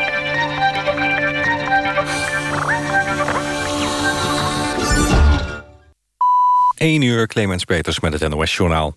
Amsterdam is begonnen met het plaatsen van betonblokken... op een aantal plaatsen in het centrum. De gemeente wil onder meer de Dam en het Leidseplein... beveiligen tegen een terroristische aanslag... met bijvoorbeeld een vrachtwagen. Sommige van de 96 blokken die vannacht worden geplaatst... kunnen ook gebruikt worden als bankje. Ze wegen tussen de 400 en 500 kilo. Twee weken geleden werd ook een deel van het gebied... voor het Centraal Station op deze manier beveiligd. Een verwarde man heeft vanavond in zijn appartement aan de Rotterdamse Strevelsweg met opzet een gaslek veroorzaakt. De politie meldt dat de man regelmatig voor problemen zorgt in de wijk. Hij is aangehouden. Tientallen woningen in de buurt zijn ontruimd. Bewoners zijn met bussen naar een opvanglocatie gebracht. Politiemensen in Colombia hebben 12.000 kilo cocaïne in beslag genomen... met een geschatte straatwaarde van ruim 310 miljoen euro. Volgens president Santos gaat het om de grootste drugsvangst in het land ooit. De cocaïne lag onder de grond verstopt op vier boerderijen... in het noordwesten van het land. Volgens president Santos waren de drugs van de Golf Clan. Die wordt gezien als de grootste criminele organisatie van Colombia. De waarde van de bitcoin, de virtuele munt, is vandaag tot een recordhoogte gestegen. Hij werd 10% meer waard en kostte op een bepaald moment 8000 dollar per eenheid. Later gisteravond zakte de waarde terug tot 7300 euro. De bitcoin is in feite een stukje versleutelde computercode... waar waarde aan wordt toegekend, zonder tussenkomst van banken of overheden. De vrees is dat veel zwart geld wordt omgeruild voor bitcoins... en op die manier wordt witgewassen. Het weer. De komende uren kan er plaatselijk mist ontstaan. Het koelt af naar 2 tot 5 graden. Morgen wordt het 10 graden. Eerst is het dan nog droog met zon. Later raakt het bewolkt en gaat het soms regenen. Dit was het NOS Journaal. NPO Radio 1. VPRO. Nooit meer slapen.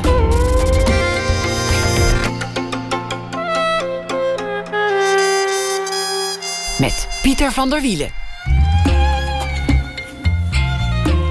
De meeste mensen houden de inhoud van het vroegere dagboek liever geheim. Maar Monica Soeting en Nina Wijsbeck van het Nederlands Dagboekarchief moedigen het publiek aan om de inhoud van vroegere dagboeken vrij te geven. Ze hebben ook een boek gemaakt, Puberdagboeken. Lucky Fons III komt zometeen op bezoek. Schreef een libretto voor een liedcyclus, The Secret Diary of Nora Plain. Gaat komend weekend in première. En Thomas Verbocht leest een verhaal bij het nieuws van de afgelopen dag.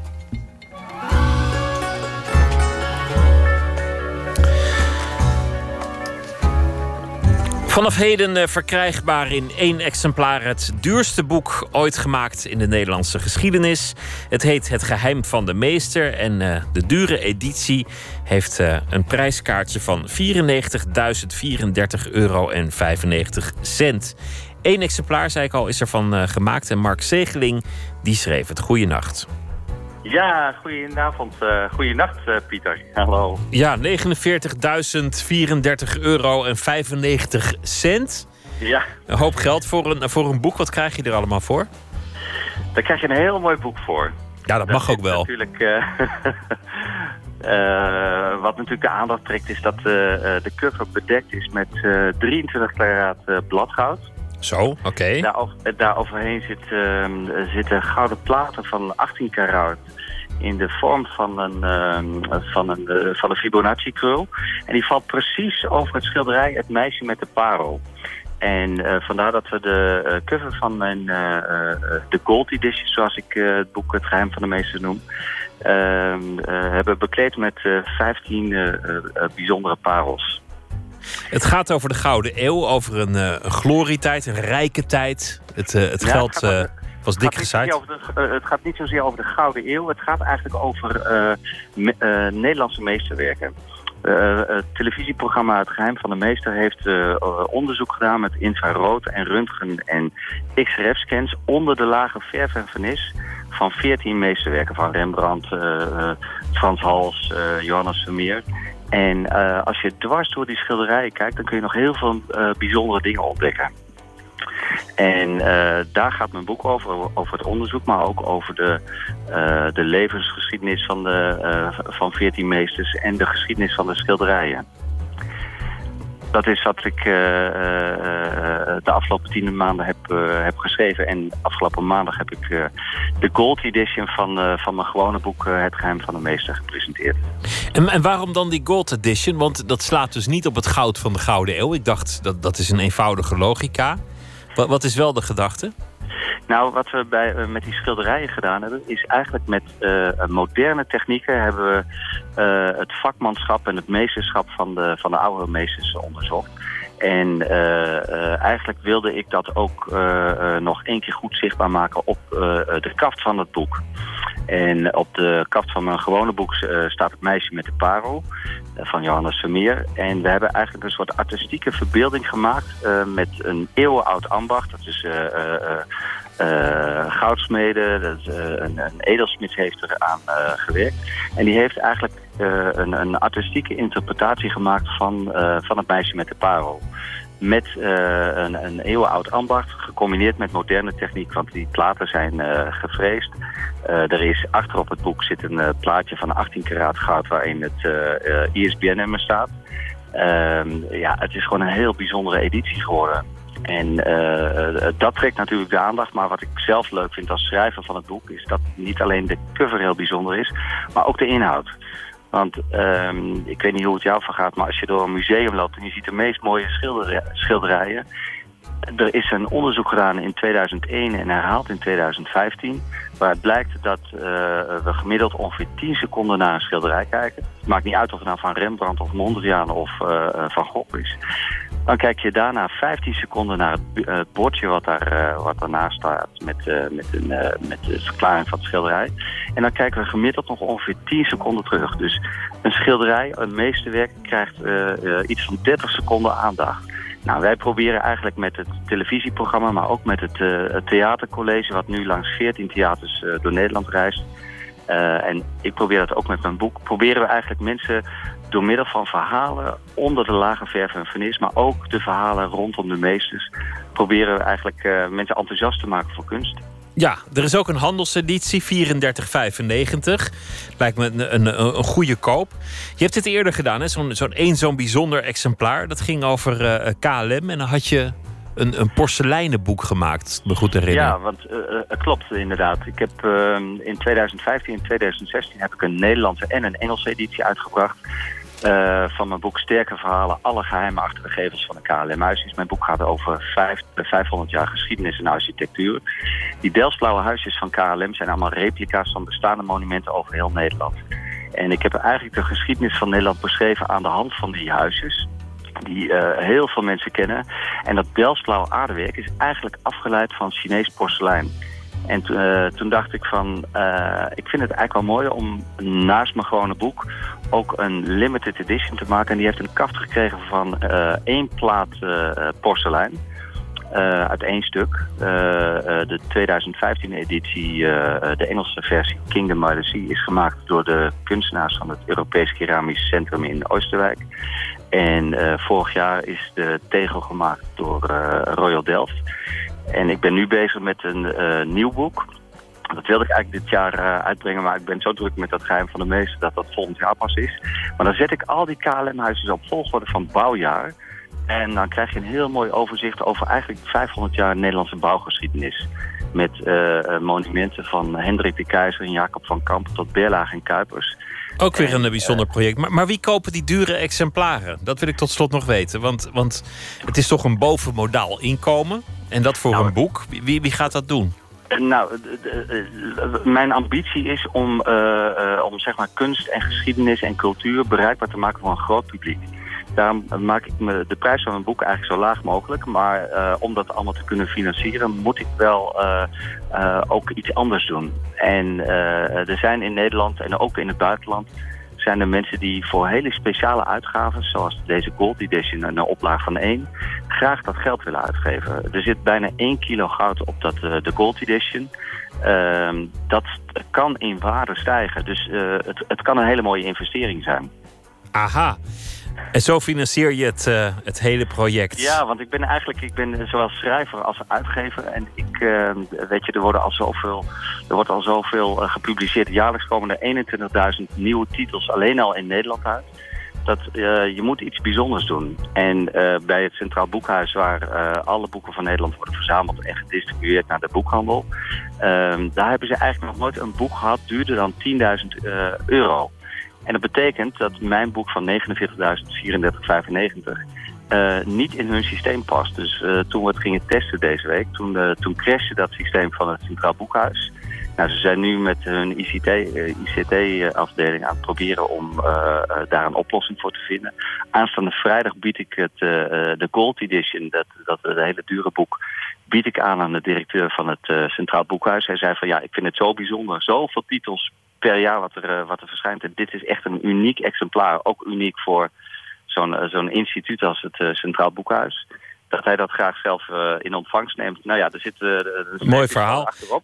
Het, dus hij, kan het, hij kan het scannen. Het geheim van de meester. Mark Zegeling, dankjewel en een goede nacht.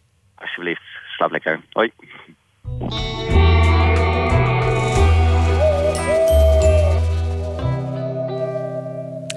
Ze treden binnenkort op en ze hebben ook een uh, nieuw album te verschijnen. En dit uh, nummer zal erop staan. First Aid Kit met Postcard.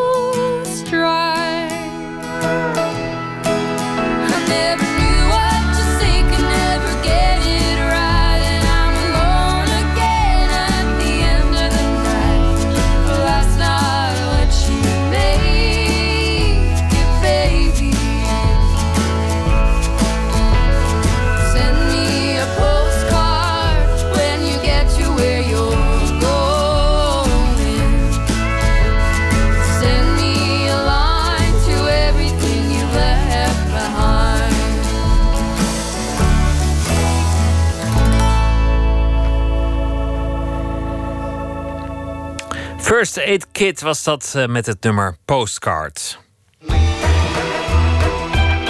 Nooit meer slapen.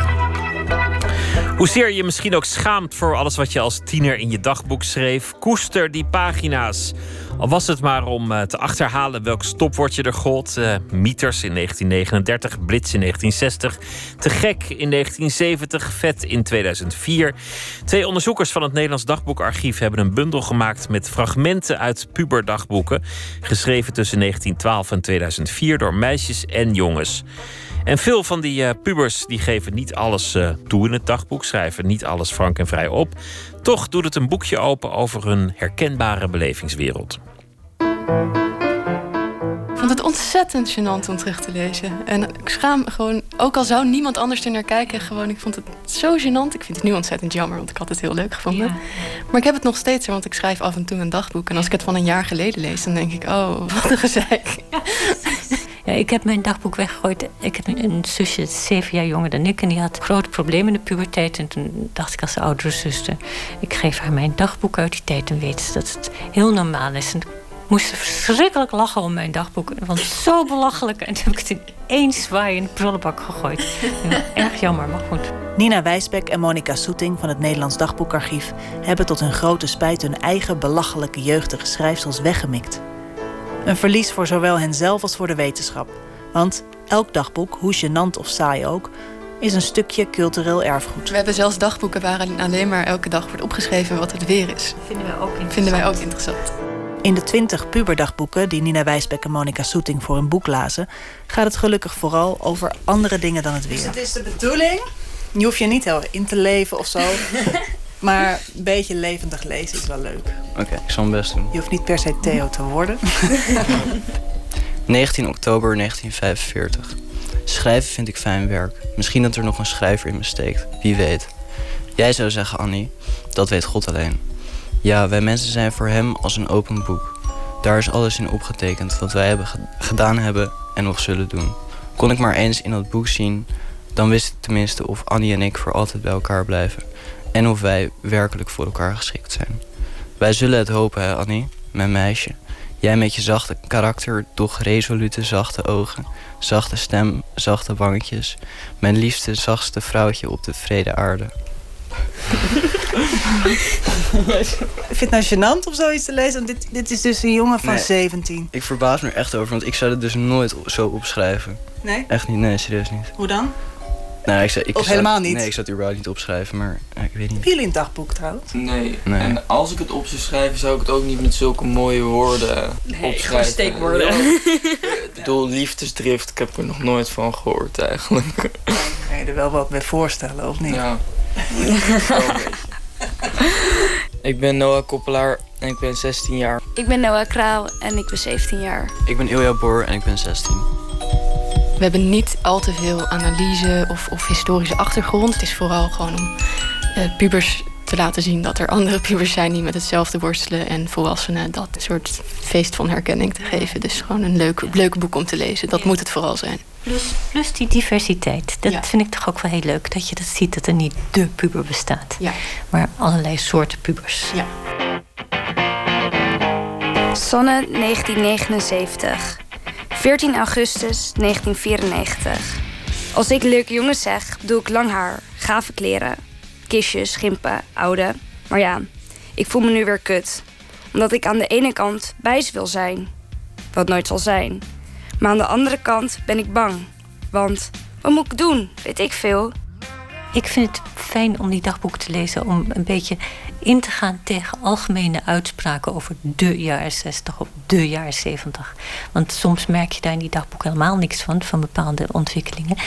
Of, of het corrigeert enorm, zoals die, die jongen in de jaren 60 die gereformeerd is. Hè? En dus dan zouden wij denken meteen hoofd, nou die mag zeker niks. Nou, het tegendeel is waar. En daar schrijft hij ook uitgebreid over en heel grafisch zelfs. Ik praat er nu verhuld over, maar hij niet. Absoluut niet. Nou ja, dat, dat vind ik zo'n correctief hè, op, op, op die algemene uitspraken over bepaalde tijdperken. Dat, dat vind ik het grootste belang van dagboeken. Wat ik zelf ontzettend leuk vond om te lezen is hoe je moest daten in de jaren 50. Dat was vreselijk. Je had geen mobiele telefoon. Je kon niet mensen thuis opbellen, want dan namen hun ouders op. En dat was heel vaak hand. Dus dan, bijvoorbeeld, ik heb een meisje uit Brabant die in de ja, begin jaren 60 een dagboek bijhoudt. Zij is dan zelf eh 15, 16. En die moet dan elke zaterdag naar de kermis om te hopen dat ze die jongen tegenkomt die ze leuk vindt. En terwijl eh, een, een vriendin van mij heeft haar dagboek beschikbaar gesteld. Eh, ik ben uit 1988 en zij ook. En daarin gaat het alleen maar over MSN en chatten. En als je dan een jongen leuk vindt, dan kan je daar dag en nacht mee chatten. Dus dat gaat ook allemaal veel sneller voordat er dan iets gebeurt. Dat vond ik heel interessant. Dus het gaat allebei over, ik vind iemand leuk, hoe moet dat nou? Maar het is heel verschillend hoe, je, hoe ze dat dan kunnen aanpakken en aanpakken. Ja. Een vriendin van jou heeft het dagboek beschikbaar gesteld en jij hebt het gelezen? Ja. Ken je haar nu beter, denk je? Ehm, niet per se, nee. Dat is, het is toch wel... Dat is inmiddels ook 15 jaar geleden dat ze dat dagboek schreef. En dus gewoon dan een hele klassieke puber. Maar ehm, ik herkende wel dingen erin. En dat was ontzettend grappig, ja. Dear diary, what a day Hallo. it's been. Een van de dagboekschrijvers is Freek, inmiddels 61 jaar. Hij ontvangt me in zijn kleurrijke woning in Hartje Amsterdam. Ah, hier is het domein. Hier is het domein. Je sluipt door, kruipt door hier. ja. Weer koffie. Lekker. Freek heet overigens eigenlijk anders. Maar een pseudoniem is wel zo fijn. Vooral voor degenen die op kunnen duiken in het dagboek. Dit is de eerste. En, Dat is de oude. maar dit is, dit is met, eh, met een soort van stempels gebeurd? Ja, nee, dat zijn plaklettertjes van die Plakletters. wrijfletters. Ah, het is, zo, het is zo netjes. Freek begon in 1971 met zijn dagboek. En nu liggen er maar liefst 69 delen voor ons op tafel. Het is altijd heel erg eh, versierd, vaak. Het zijn allemaal dezelfde schriftjes. Althans, hetzelfde soort schriftje. Was dat belangrijk voor je? Nou, als je eh, twee dagboeken hebt, dan denk je van... nou, misschien ga ik het later wel inbinden. En dus heb ik er werk van gemaakt om ze allemaal op dezelfde schriftjes te doen. Je hebt ook op 17-jarige leeftijd, op 15-jarige leeftijd moet ik zeggen. Dit is 15, hè? Ja. Een heel net handschrift. Heel leesbaar ook. Heel leesbaar. Eh, ver doorgevoerde moderne spelling. Een tijd lang. Echt ver doorgevoerd. Het woord reëel zag ik geschreven als R-E-J-E-E-L. Precies dat. Ja, want we spreken 71. Ja. Dus dan denk ik protestgeneratie. Ik bedoel, was jij daar onderdeel van? Ja, daar was ik onderdeel van. Ik was dan wel net eh, te jong voor de, voor de echte Summer of Love. Maar eh, ik was natuurlijk wel een hippie in de dop. En ik heb nog steeds een paardenstaart. 25 november 1971. Ik kreeg zo langzamerhand een aantal schuldgevoelens. Niet zo sterk. Ik ben namelijk zo'n bronstig wezen dat ik het zelf walgelijk vind haast. Linda heb ik zo langzamerhand alleen vanwege de erotiek. Ik ben vreselijk makkelijk geprikkeld. Ik ben eigenlijk verliefd op verschillende meisjes. En zo langzamerhand heel weinig op Linda. Ik denk wel dat het de leeftijd is. Ik heb in het boek van de mensen gelezen... dat in de puberteit vooral bij jongens de erotiek belangrijk is. En dat zal het dus wel zijn. Maar toch vind ik het ergens niet netjes wat ik doe. Ik vond Freek was wel eh, een van mijn favorieten, absoluut. Ja, ontzettend leuk, omdat hij... eh, ja, hij kan gewoon heel goed schrijven. Dus het is, het, is, het is leuk om te lezen. Het is, hij maakt veel mee, hij schrijft het grappig op. Hoe dat dan ging op school, dan gaan ze op schoolreisje... en dan zit iedereen s morgens om achter in de bus cognac te drinken. En dat mag dan van de leraren. Echt... eh, En ook die principiële problemen. Mijn favoriete uitspraak van Freek is... ik ga me voornemen geen voornemens te hebben. Dat vind ik zo jaren zeventig. Ja. Dus dat, dat komt ook in die puberdagboek voor. Ja, nou ja, dat zei ik al. Je ziet, je ziet toch bepaalde tendensen, maar altijd weer op een andere manier dan je denkt dat ze zouden zijn. Ik heb altijd graag naar de psyche van de mensen gezocht en gekeken. En die van mezelf onder de loep genomen. En dat was nodig ook. Want ik was ook best een, vaak een geflipt gossie. Ik heb me er lang niet altijd even vrolijk gevoeld. En dat schrijven, wat doet dat dan? Dat doet er op zich niet veel toe. Maar ik ben wel in zoverre analyserend dat je dat. Je wilt dingen kunnen plaatsen. In psychologische zin. Het gaat over, over je zelfonderzoek en eh, erachter komen waarom je bent zoals je bent. Leo, 1944. 19 januari 1963. Ik verlang naar Petra. Laat ik maar eens met de deur in huis vallen. Ik hou van haar. En ik wil er weer eens zien. Maar ja, dat zal nog even duren. Toch een nadeel dat ze in Assen woont. Dit was een zielsuitstorting. Een zieligheid. Ergens zitten ze nog steeds wel met dezelfde dingen. Ook al als je dan zo denkt naar vroeger dat dat heel anders is. Zitten wel, alleen zeggen ze het op een andere manier of zo. Maar jullie hebben echt... Ja, ik kan me niet voorstellen dat je dus alles kan bespreken. Of dat je dat wil ook. Je zegt, nee, je heb je gewoon een vriend en dan, dan ben je Nou. er ook weer vanaf. Het is meestal wel fijner om het in het echt tegen iemand te zeggen. Maar het is niet dat ik tegen elke vriend mijn verhaal vertel of zo. Gewoon alleen tegen goede vrienden. Maar ik denk ook dat je nu veel meer over bijvoorbeeld liefde, seks en dat soort dingen openlijk kan praten. En dat er vroeger meer een taboe op heerste. En dat als je dan tegen een vriend over begon wat je voor een meisje voelde, dat hij je een beetje raar aankeek. Ik weet niet hoe dat ging, maar nu kan dat allemaal gewoon. Geen geheimen dus. Ja, natuurlijk, je hebt wel geheimen voor jezelf. Maar je kan wel privé dingen makkelijker bespreken, denk ik. En dat je daardoor ook minder een dagboek nodig hebt.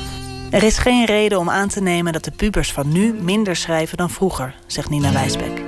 Maar of ze de 69 delen van Freek zullen evenaren, 9 november 1971. Heel fijn geweest met Lint, 's middags. Eindelijk weer eens gepraat. Al zijn we het helemaal niet eens, maar dan ook helemaal niet. Over medemens zijn, weet je wel. Vanavond haché, macaroni, bami-groenten en appelmoes en sla gegeten. Die herinner ik me, die maaltijd, want het was een idiote combinatie.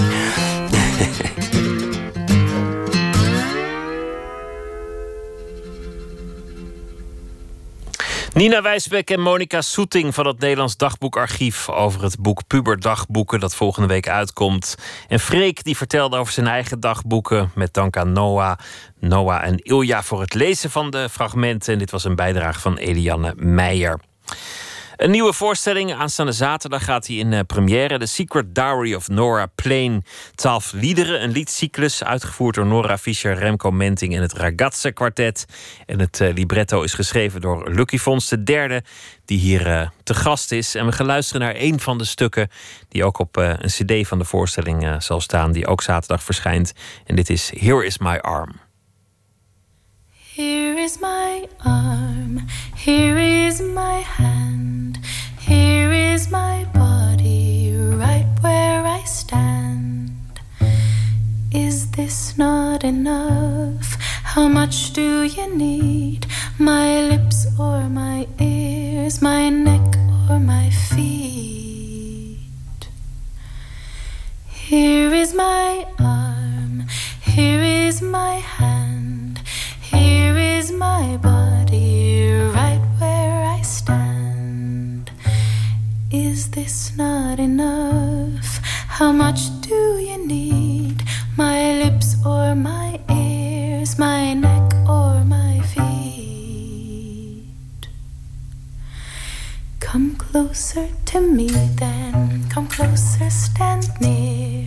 Peek at the freckles right next to my ear. little spuds the size of a pin, tips of the pyramids under my skin. Come closer to me, then, come closer, stand near. Peek at the freckles right next to my ear. Small little spots the size of a pin, tips of the pyramids.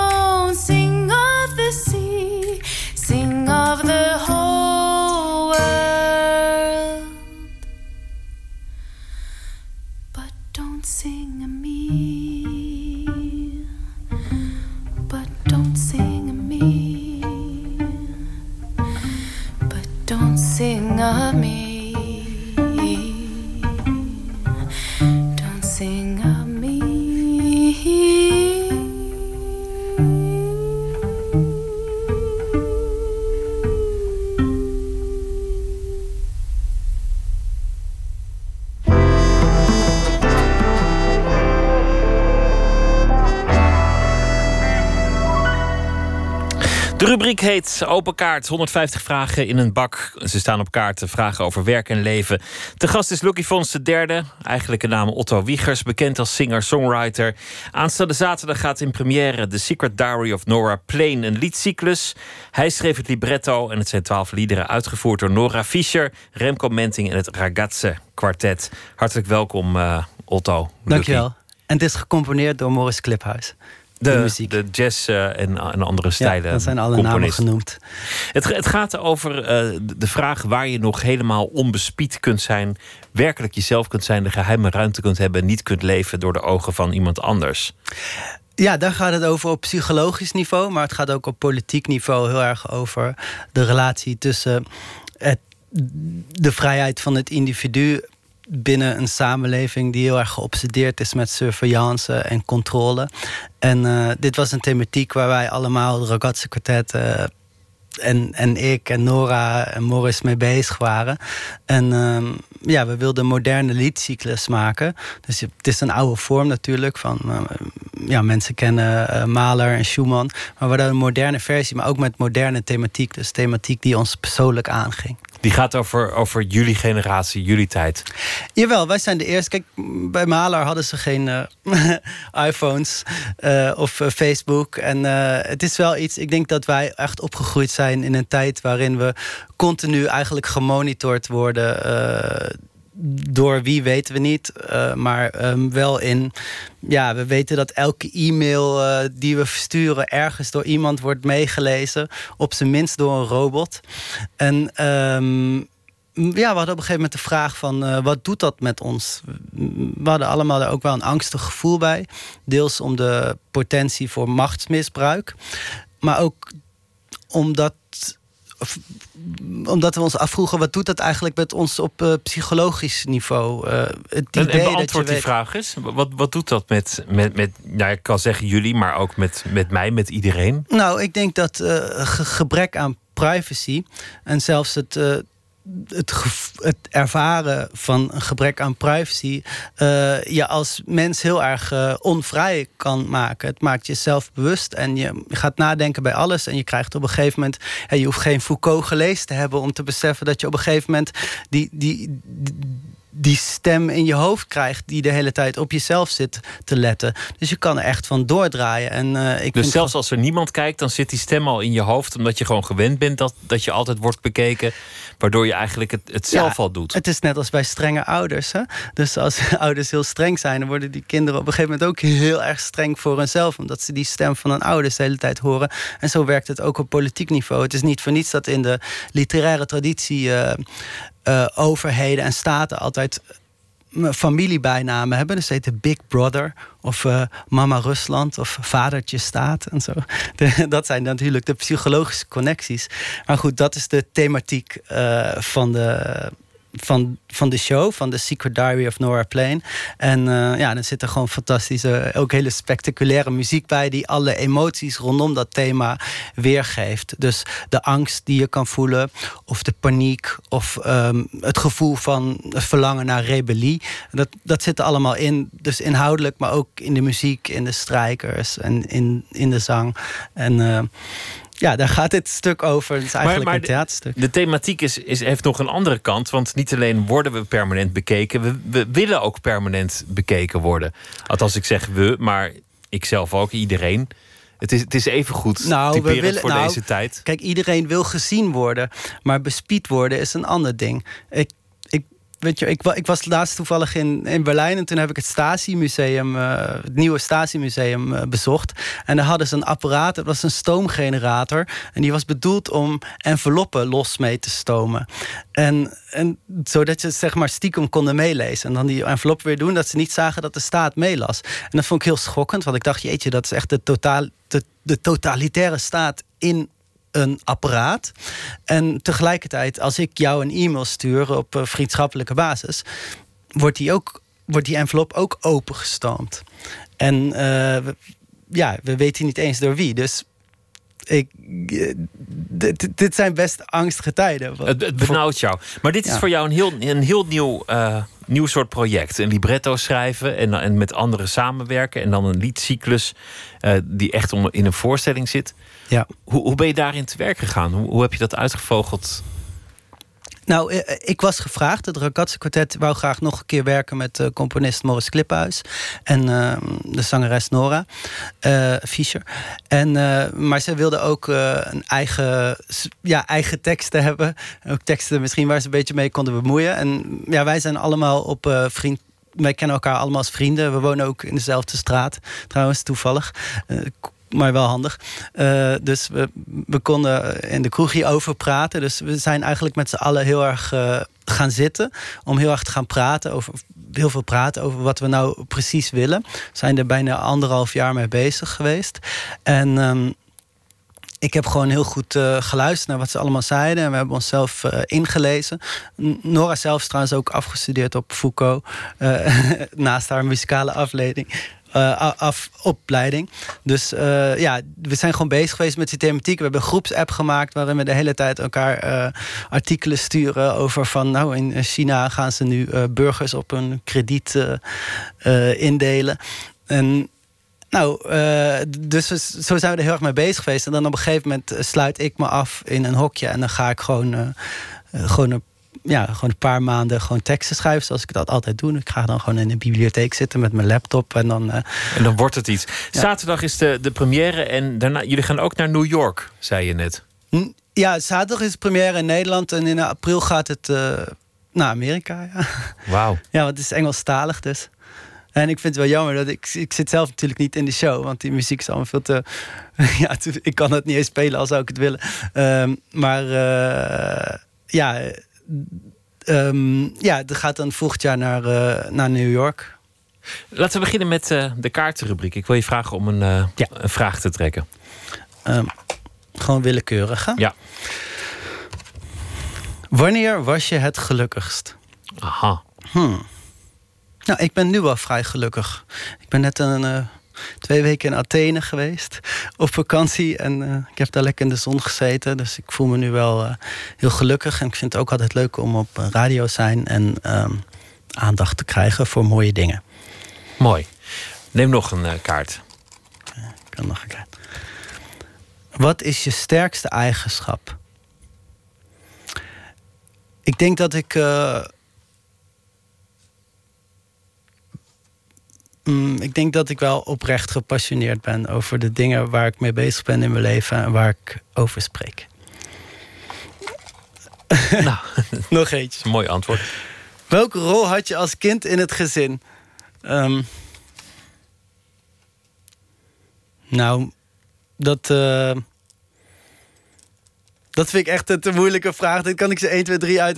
Dat, dat is echt iets. eh, van, Ja, maar wie moet je dat vragen? Welke rol had je als kind in het gezin? Dat zou ik je- zelf niet weten. Dat vind ik. Dat Maar vind was je de jongste? Was je de oudste? Waren jullie Oh, met zo ja, veel? ja oké. Ik was, nou, ik was, eh, ik heb een klein, ik heb een eh, jongere zus en een oudere zus, dus ik ben de middelste. En, ehm, en de enige jongen. En ehm, ehm, ik vind het. eh, en wat heel leuk. Ja, heel leuk gezin eigenlijk. Eh, veel heel muzikaal gezin ook. eh, veel, eh, Maar, maar was jij degene die het vertier bracht? Of als er ruzie was, kwamen ze dan allemaal bij jou om het, om het goed te maken? Of mo- moest, jij, moest jij dan een modererende rol spelen? Nou, ik vind het echt een moeilijke vraag. Want ik denk niet zo vaak terug aan mijn jeugd. En ik heb ook heel vaak het idee dat als ik dat wel doe, dat ik dan heel snel verval in een soort van fictionalisering van dingen. Alsof ik een verhaaltje maak waar dan met een soort einde uit moet komen. Maar, ehm, Hoewel die bedoel- fictie ook weer een soort waarheid ik, bedoel, ik ben wordt. nog steeds een, een kind in het gezin, natuurlijk. Ik, Ja. eh, ik ben nog steeds. Alleen je woont er niet meer. Nee, dat is wel een verschil. Ja, je hebt gelijk. Ja, maar ik ben altijd een beetje huiverig om eh, dingen achteraf te reconstrueren. En dan vervolgens een, narratief wat, wat misschien helemaal niet klopt eh, te hebben van jezelf. En daar dan op voor te beduren. Dus ik- ja, ik, mijn, mijn blik is altijd gericht op de nabije toekomst. Ik denk, ik denk echt, ik denk nooit terug aan. oh, hoe was ik toen ik 14 was of zo. Daar heb je wel gelijk in, want, want herinneringen zijn heel onbetrouwbaar. En voor je het weet heb je jezelf iets aangepraat dat helemaal niet waar is. En dan, dan zit Ja, je daar weer in. Ja, ja, ja, precies. En ik wil ook altijd. Het is ook een verlangen voor mij om flexibel te zijn. Ook op het gebied van identiteit of zo. Dus ik hoef niet idee te hebben van mezelf. ehm, Oké, dit was zo was ik als kind en toen ben ik dat geworden en nu ben ik, ben ik dit. Ik vind het veel interessant om dat een beetje vloeibaar te houden allemaal. En een van die dingen om dat vloeibaar te houden is niet te lang bezig, niet te diep over jezelf nadenken. Maar dan heb je waarschijnlijk ook geen tatoeages. Nee, maar ik, hoe trek je die conclusie dan? Hoe... Nou, omdat meestal mensen op, op een moment dat ze iets over zichzelf denken te kunnen zeggen, dat vastleggen door het op zichzelf te, te, te krassen in, in, in woord en, eh Ja, en ja, tatoeages als een soort, ja, als een soort, Vaak ja, is als een dat soort zo. narratief. Ja, dan moet Ja. het ook even. Nee, als ik een, nou ja, als ik een tatoeage zou nemen, dan zou ik niet zo'n heel verhaal over identiteit eraan vastplakken. Dan zou ik eerder gewoon iets heel esthetisch eh, doen. Of iets conceptueels of zo. Dat ik bijvoorbeeld een eh, peuter een eh, stift zou geven. En zeggen van nou trek maar eens een eh, lijn van de ene hand naar de andere hand. En dat dan over laten tatoeëren of zo. Snap je? Dat, dat lijkt me een leuk idee voor een tatoeage. Dat is qua opvoedkunde voor zo'n peuter natuurlijk heel ongezond. Dat je, dat je nergens op mag krassen, behalve op oom, op oom Otto. Ja, dat, dat, dat, dat slaat nergens op. Ja, ja, nee, precies. Het is ook een heel slecht plan. Nee, het mag, nee, ja. nee ik heb geen tatoeages. Ik ben wel la- zo iemand die er altijd over fantaseert, maar er nooit op eh, eh, over kan beslissen. Het lijkt me wel weer leuk om een tatoeage te hebben. La- Laten we nog een, eh, een kaart doen. Alright. Nou, deze vraag is zo vreselijk. Ik stop hem gelijk weg. Ga niet eens uitle- uitleggen. Praat je wel eens hardop als er niemand is? Ja, dat doe ik zeker wel. Ik, maar ja, ik doe altijd stemmen. Als, ik, als er niemand in de buurt is, doe ik stemmen of zo. Dan probeer ik bijvoorbeeld filmdialogen uit mijn hoofd na te spelen. Of eh, ik eh, doe een voordracht van een dichter of zo. Van ik dan denk van zo moet hij geklonken hebben. Robert Burns of zo. eh, de Schotse, beroemde Schotse dichter. Of, eh, of ik, eh, of ik doe Johnny de zelfkikker na of zo. Dan zit ik in mijn eentje. Een magistraal, stralende zon. Dus ja, dat doe ik als er niemand is. Ah, wat goed. Ja. Vroeger als je in de file stond en, en er zaten mensen in een auto in hun eentje te praten. Ja. Dan, dan, dan, keek je daar, ah, die, die, die is raar. Maar tegenwoordig als je in de file staat, ik stond toevallig in de file vandaag, zit iedereen in zijn auto in zijn eentje te praten. Want ze hebben allemaal zo'n speakertje natuurlijk in, in dat dashboard. Ja, tuurlijk. Ja, maar je mag ook sowieso met jezelf praten. Ik bedoel, dat is, Ja, een, dat is een ja. goede eigenschap. Me- Meestal, meestal is het een eerste teken van eh, geestelijke ontbinding. Tegen jezelf, ja. Of misschien ja, of het eerste teken van geestelijke ontwikkeling. Daar kunnen we over discussiëren. We gaan er nog één doen. Oké. Welke kritiek van anderen krijg je soms te horen? Ehm, nou, ik kan eh, niet zo goed samenwerken, want ik ben eh, nogal dominant ja, als het gaat om eh, professionele zaken. Maar dat heb ik ook dankzij dit project, The Secret Diary of Nora Plain, ehm, heb ik geleerd. Was ook een leermoment. En dus dat krijg ik wel eens te horen. En ja, ik denk dat ik, zoals alle artiesten, wel eh, misschien een neiging heb tot een eh, soort niet egoïsme, maar een soort egocentrisme. Ehm, mm, en dat is wel eh, natuurlijk iets waar anderen terecht af en toe kritisch op zijn. Lucky Fons de derde, dankjewel. Aanstaande zaterdag is de première The Secret Diary of Nora Plain. Samen met eh, Nora Fischer, Remco Menting en het Ragazze kwartet. En eh, de komende maanden in heel Nederland eh, is de voorstelling te bezoeken. Dank je. Dank je.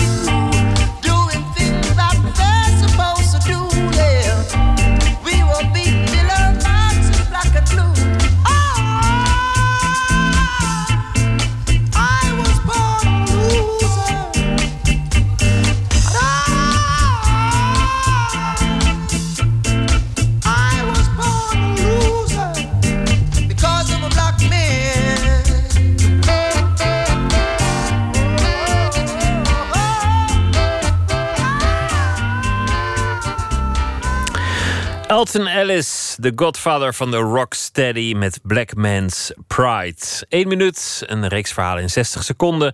Gemaakt door Laura Stek en deze heet Boeddhist. Veel, veel spreek ik hem niet. Ik weet alleen elke keer dat ik hem spreek, dan is hij heel rustig en blij met eh, wie hij is en zo.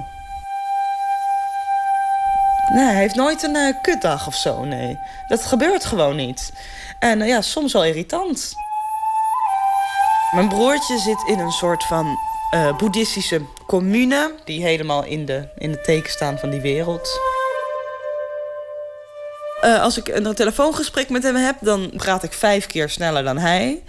En ja, heb ik niet het idee dat hij nou echt begrijpt wat, wat er aan mijn hoofd zit aan problemen, aan de dingen die ik doe. Dat vind ik er wel moeilijk aan. Wat voor leven leid jij? Nou, nogal hectisch. Ik, eh, ik wil gewoon altijd net iets te veel. En ik vind dat ik dat ook altijd allemaal tegelijkertijd moet realiseren. Ja, en dat is eigenlijk heel dom, zouden de boeddhisten zeggen. Elke dag wilde ik dat ik één uur zijn leven had. Ja, echt waar.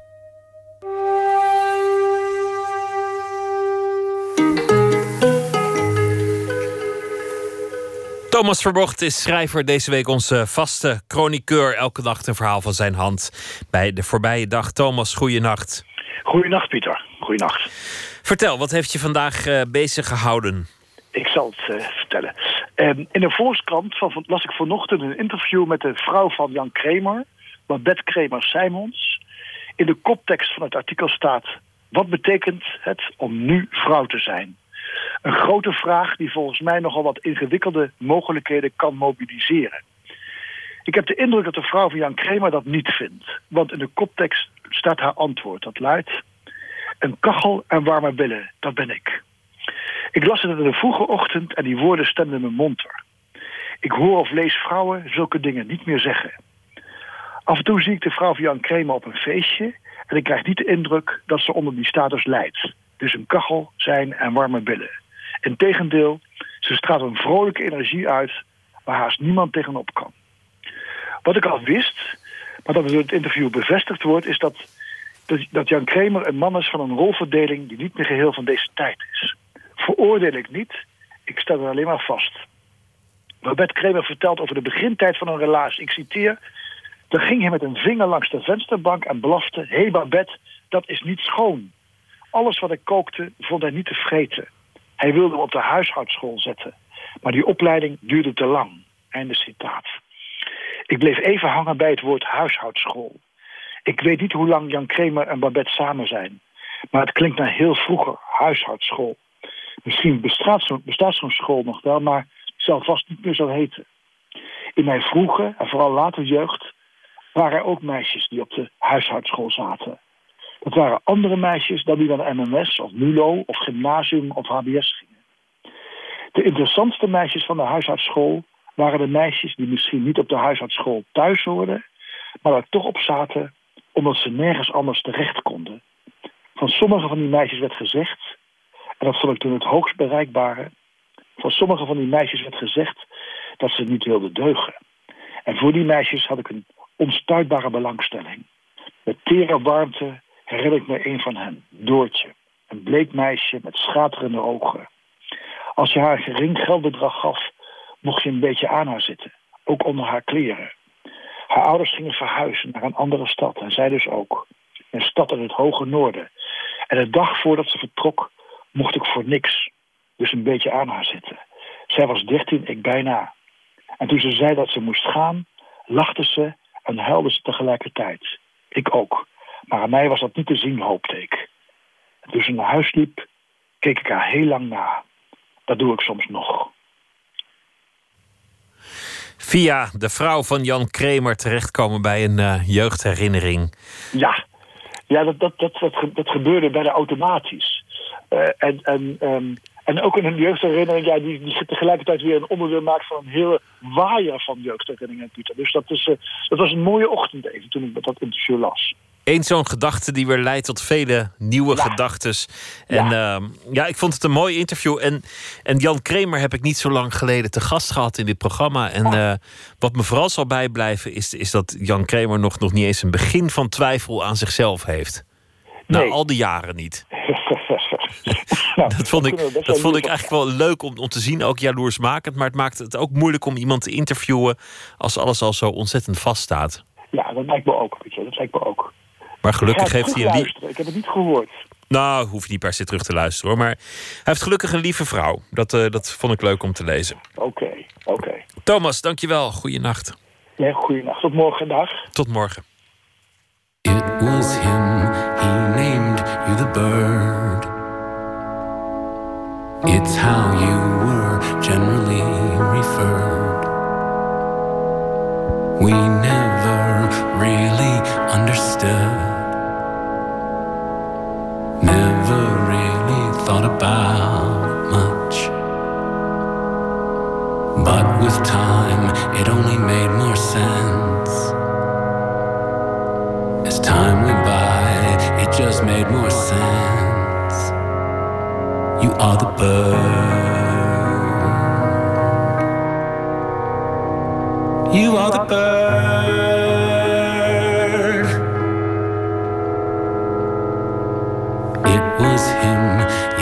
He was the bird. Passed it down to you like they're just words. Like him, you listen and you care. Like him, you want to help people out.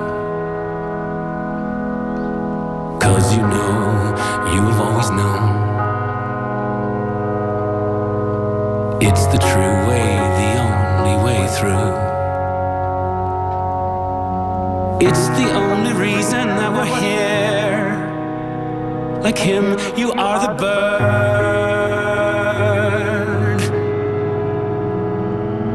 You are the bird.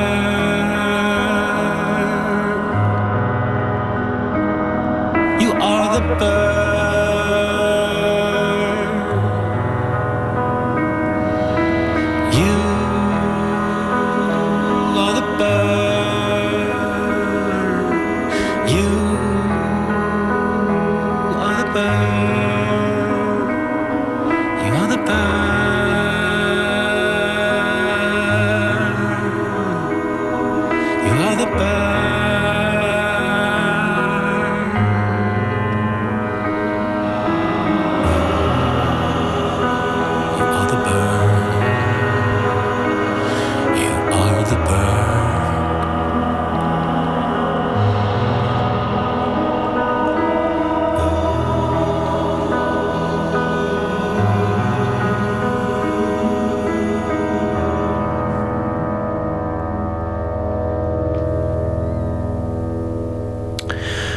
Vorige maand eh, is hij overleden, Gord Downey, ooit eh, frontman van Tragically Hip. En eh, dit nummer was You Are the Bird. Poëzie van Marije Langelaar.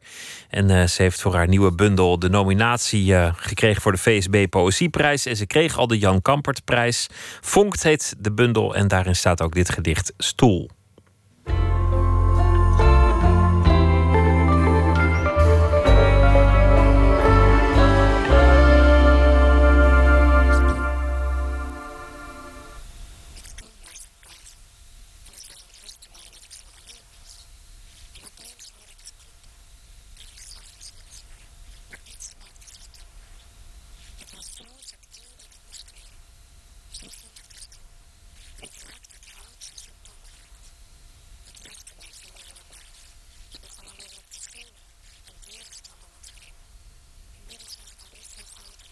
Speldepunt en innerlijk dronken.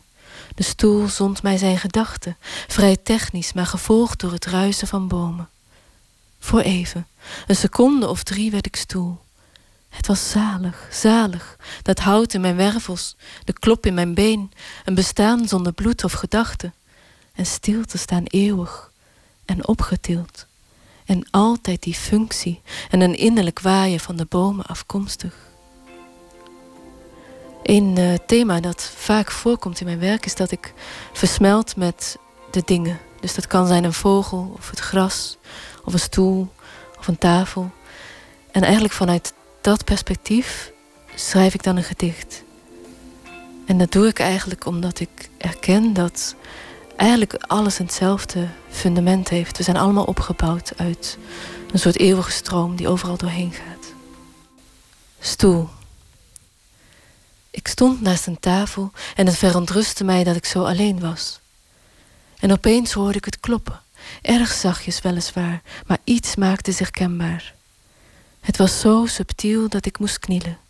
Zo vond ik de stoel. En ik raakte het hout zoals je een tong raakt. Ik legde mijn vinger in een nerf. Het begon onmiddellijk te schemeren en dieren stonden om ons heen. Inmiddels was ik niet veel groter dan een speldenpunt en innerlijk dronken. De stoel zond mij zijn gedachten, vrij technisch, maar gevolgd door het ruisen van bomen. Voor even, een seconde of drie, werd ik stoel. Het was zalig, zalig, dat hout in mijn wervels, de klop in mijn been, een bestaan zonder bloed of gedachte, en stil te staan eeuwig en opgetild. En altijd die functie en een innerlijk waaien van de bomen afkomstig.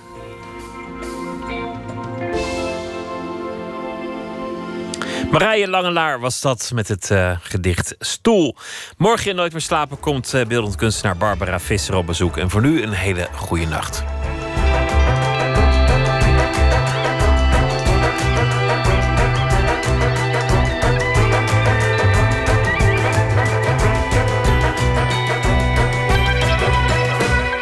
Op Radio 1, het nieuws van alle kanten.